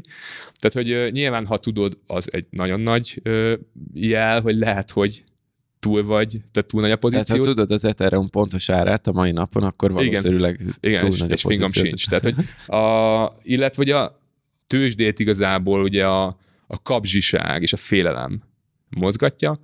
Tehát, hogyha ha én azt lát, és ugye nyilván ez a félelemről beszéltünk, ugye ez van a kapzsiság oldalán, hogyha, hogy gyakorlatilag én saját magam vagyok a legjobb indikátor. Tehát ha már azt látom, hogy hú, most már úgy emelkedett, hogy akár elmehetnék nem tudom hova nyaralni, akkor ugye azért érzem, hogy jó, most tényleg nagyon kilőtt a piac, és hogy talán kicsit túlságosan is, mert hogy, hogy, hogy nyilván ez egy normál ingadozás lefele-fölfele, ugye nagyon-nagyon hosszú időtávon nézve azért valószínűleg fölfele fog menni, de itt tök ilyen, ilyen top indikátor az, hogyha látom saját magam, hogy hú, most valami éppen nagyon jól teljesít.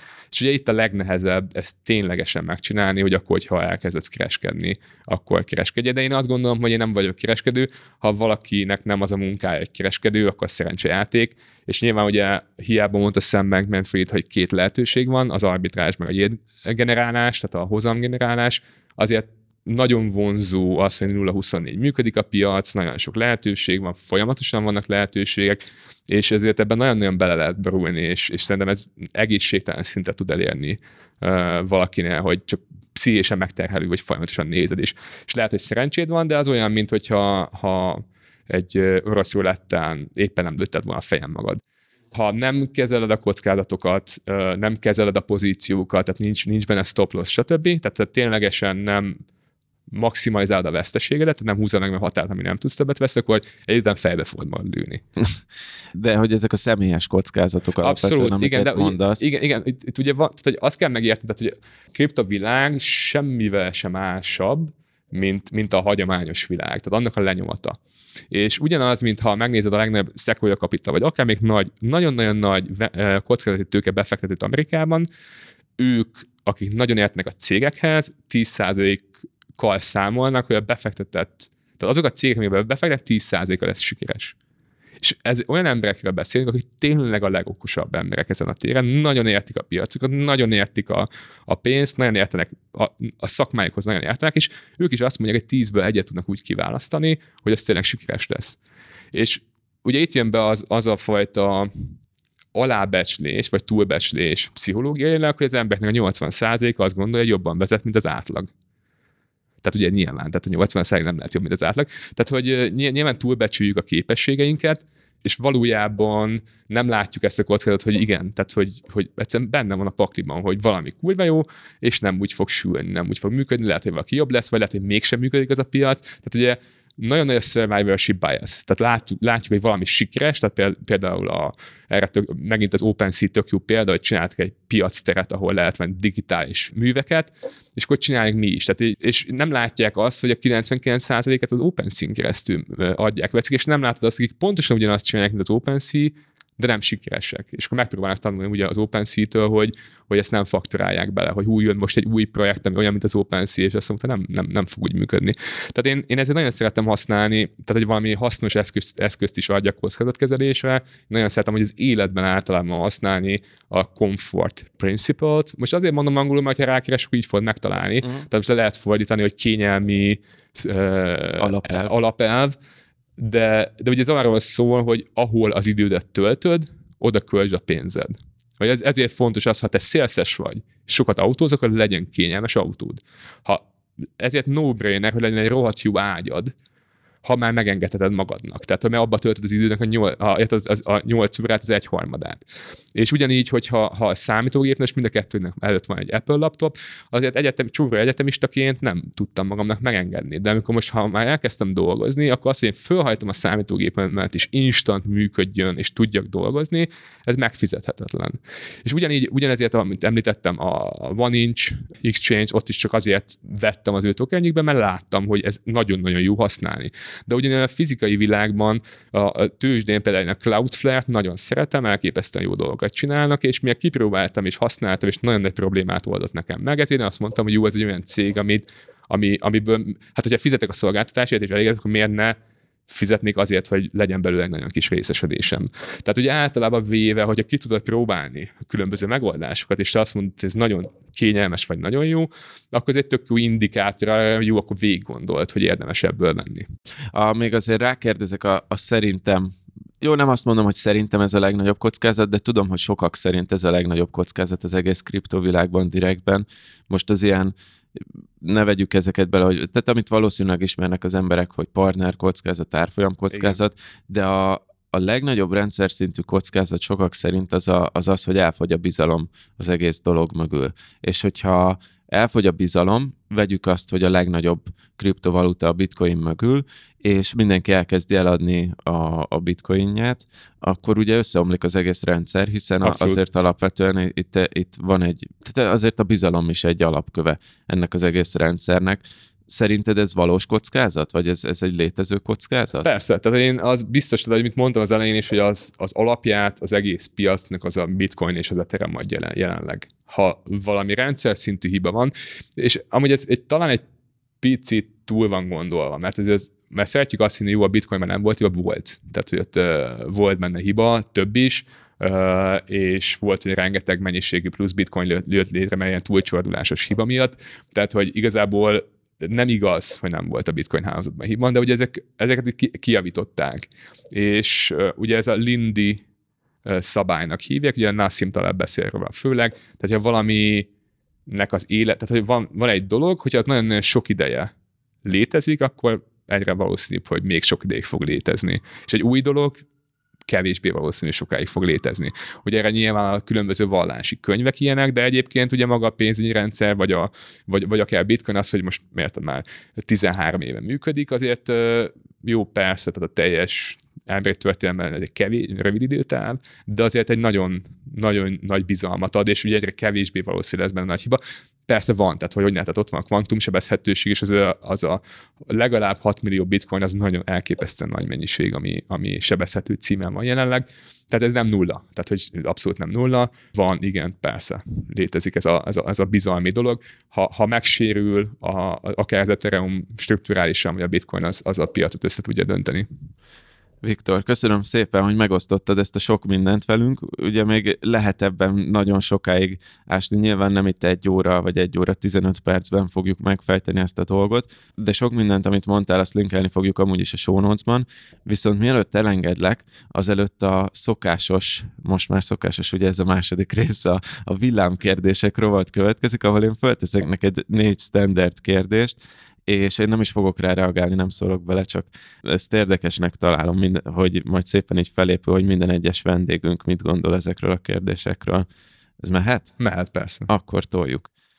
Számodra, az első kérdés, számodra mit jelent a gazdagság? A, az én fejemben a gazdagság az annak egy része az aránya, hogy mennyi pénzt csinálsz, és mennyit költesz, ez az anyagi része, a másik meg az, hogy mennyire vagy békében magaddal. Tehát az én fejemben semmilyen szinten sem abszolút értékben vett vagyonról van szó, mert nagyon sok pénzt is lehet költeni, annak ellenére nagyon sokat keresel, de rengeteg sportoló, amerikai sportoló, tök jó példa, vagy akár sztárok elképesztő vagyonokat költöttek el, és néztek a fenekére, és gyakorlatilag elherdálták a vagyonukat, illetve ugyanígy, ugyanez a rész a társadalomnak egy tök jó példa arra, hogy amúgy a, a pénz egy bizonyos szint után nem befolyásolja a boldogságodat. És hogy az, hogy te, te békében legyél, tehát nem az, hogy mindig örömet érezel, csak békében legyél, számomra ez a, ez a gazdagság. Második kérdés. Mi volt az elmúlt években a legjobb pénzügyi befektetésed? Kifejezetten pénzügyi kifejezetten pénzügyi. Uh, ugye most én azt mondtam volna, hogy a, a Food Revolution azért, mert levette a terhet a vállamról, hogy, hogy a kajámon gondolkozzak, ami egészséges. Uh, aztán nyilván, amit meséltem, hogy ilyen random fejlesztési projektek, ahol egyébként így kerestem pénzt. Igazából én ez, ez, ezt a kettőt mondanám, tehát az, hogy igazából tényleg bele másztam egy-két projektbe, és használta, és ennek volt egy ilyen mellékhatás, hogy hoppá, egyébként amit használtam tokennek fölment az értéke, uh, illetve maga az egészség, meg a, meg a pszichológia teher oldalról az, hogy nem kell azon gondolkoznom, hogy, hogy mit fogok enni ma, és hogy egészséges lesz, hanem ez így minden nap jön. Ez, ez nagyon-nagyon hatalmas terhet vett le a vállamról. Mi volt a legrosszabb befektetésed? Szerintem messze a legrosszabb a, a Covid időszak alatti eh, okosnak próbálni lenni. Tehát, hogy az, a, a, az hogy megpróbáltam megtrédelni ezt a, ezt a covidos piaci változás, ez abszolút nem jött össze, sőt. Tehát ugye hát nekem az, az, az lett ebből a tapasztalatom, hogy nekem nem, nem a kereskedés a, a szakmám, ezzel nem kell foglalkoznom, nekem azzal kell foglalkoznom, ami, amihez egyébként, amivel szívesen foglalkozom, akkor is, hogy nem fizetnek érte. Oké, és az utolsó kérdés, mi volt az a gondolat, vagy akár esemény, ami a legjobban megváltoztatta, befolyásolta a pénzhez való viszonyodat? Ez egy elképesztően jó kérdés, hogy a, a, a pénzhez való viszonyom hogyan változott meg. Én azt mondanám, hogy az előző válaszokban egy picit összegyúrva az, az a gondolat, hogy, hogy, a, hogy a gazdagság az nem a, az abszolút értékben vett vagyonnak a, a függvénye, hanem a, amit keresel és amit költesz, plusz egyébként, hogy mennyire vagy békében. Szerintem ez, ez volt a, ennek a realizálása volt a, volt a legnagyobb hatása rám. Köszönöm szépen a válaszokat, és Viktor, Tábori Viktor volt a vendégem. Viktor, köszönöm szépen, hogy eljöttél, és még egyszer is megosztottál minden gondolatot velünk. Köszönöm szépen a meghívást. És kedves hallgatók, ez volt a Mi a Matek Podcast, én Mester Tomi voltam. Csak a szokásos záróblokkunk következik, hallgassatok minden podcast ebben, amiben éppen hallgattok, Spotify, Google Podcast, Apple Podcast, tehát tényleg mindenhol ott vagyunk, amiben éppen hallgattok, ott kérlek kövessetek be minket, mert ezzel tudtok most jelenleg a legtöbbet segíteni nekünk, hogy a top listákra kerüljünk. Osszátok meg barátokkal, ismerősökkel a podcastet, és ha véletlenül Apple Podcast-en hallgattok minket, akkor értékeljetek is, sőt, ha időtök van, akkor kérlek, hogy szöveges értékelést is írjatok, hiszen abból tanulunk a legtöbbet. Ha beszélgetni szeretnétek, kommentelni az adáshoz, kérdéseket feltenni, akkor azt egyenlőre a Business Boys zárt Facebook csoportban tehetitek meg. Erre Facebookon rákereshettek, Business Boys címszó alatt már elő is fogunk ugrani. Tehát még egyszer ez volt a mai adása a Mi a Matek Podcastnek. Két hét múlva jelentkezünk egy újabb adással. Addig is, sziasztok! Sziasztok! I'm not gonna lie, dollar has gone on Yagi, her brain fried. My lady Papa Zenny, had her lady popping Molly, why she waiting on me?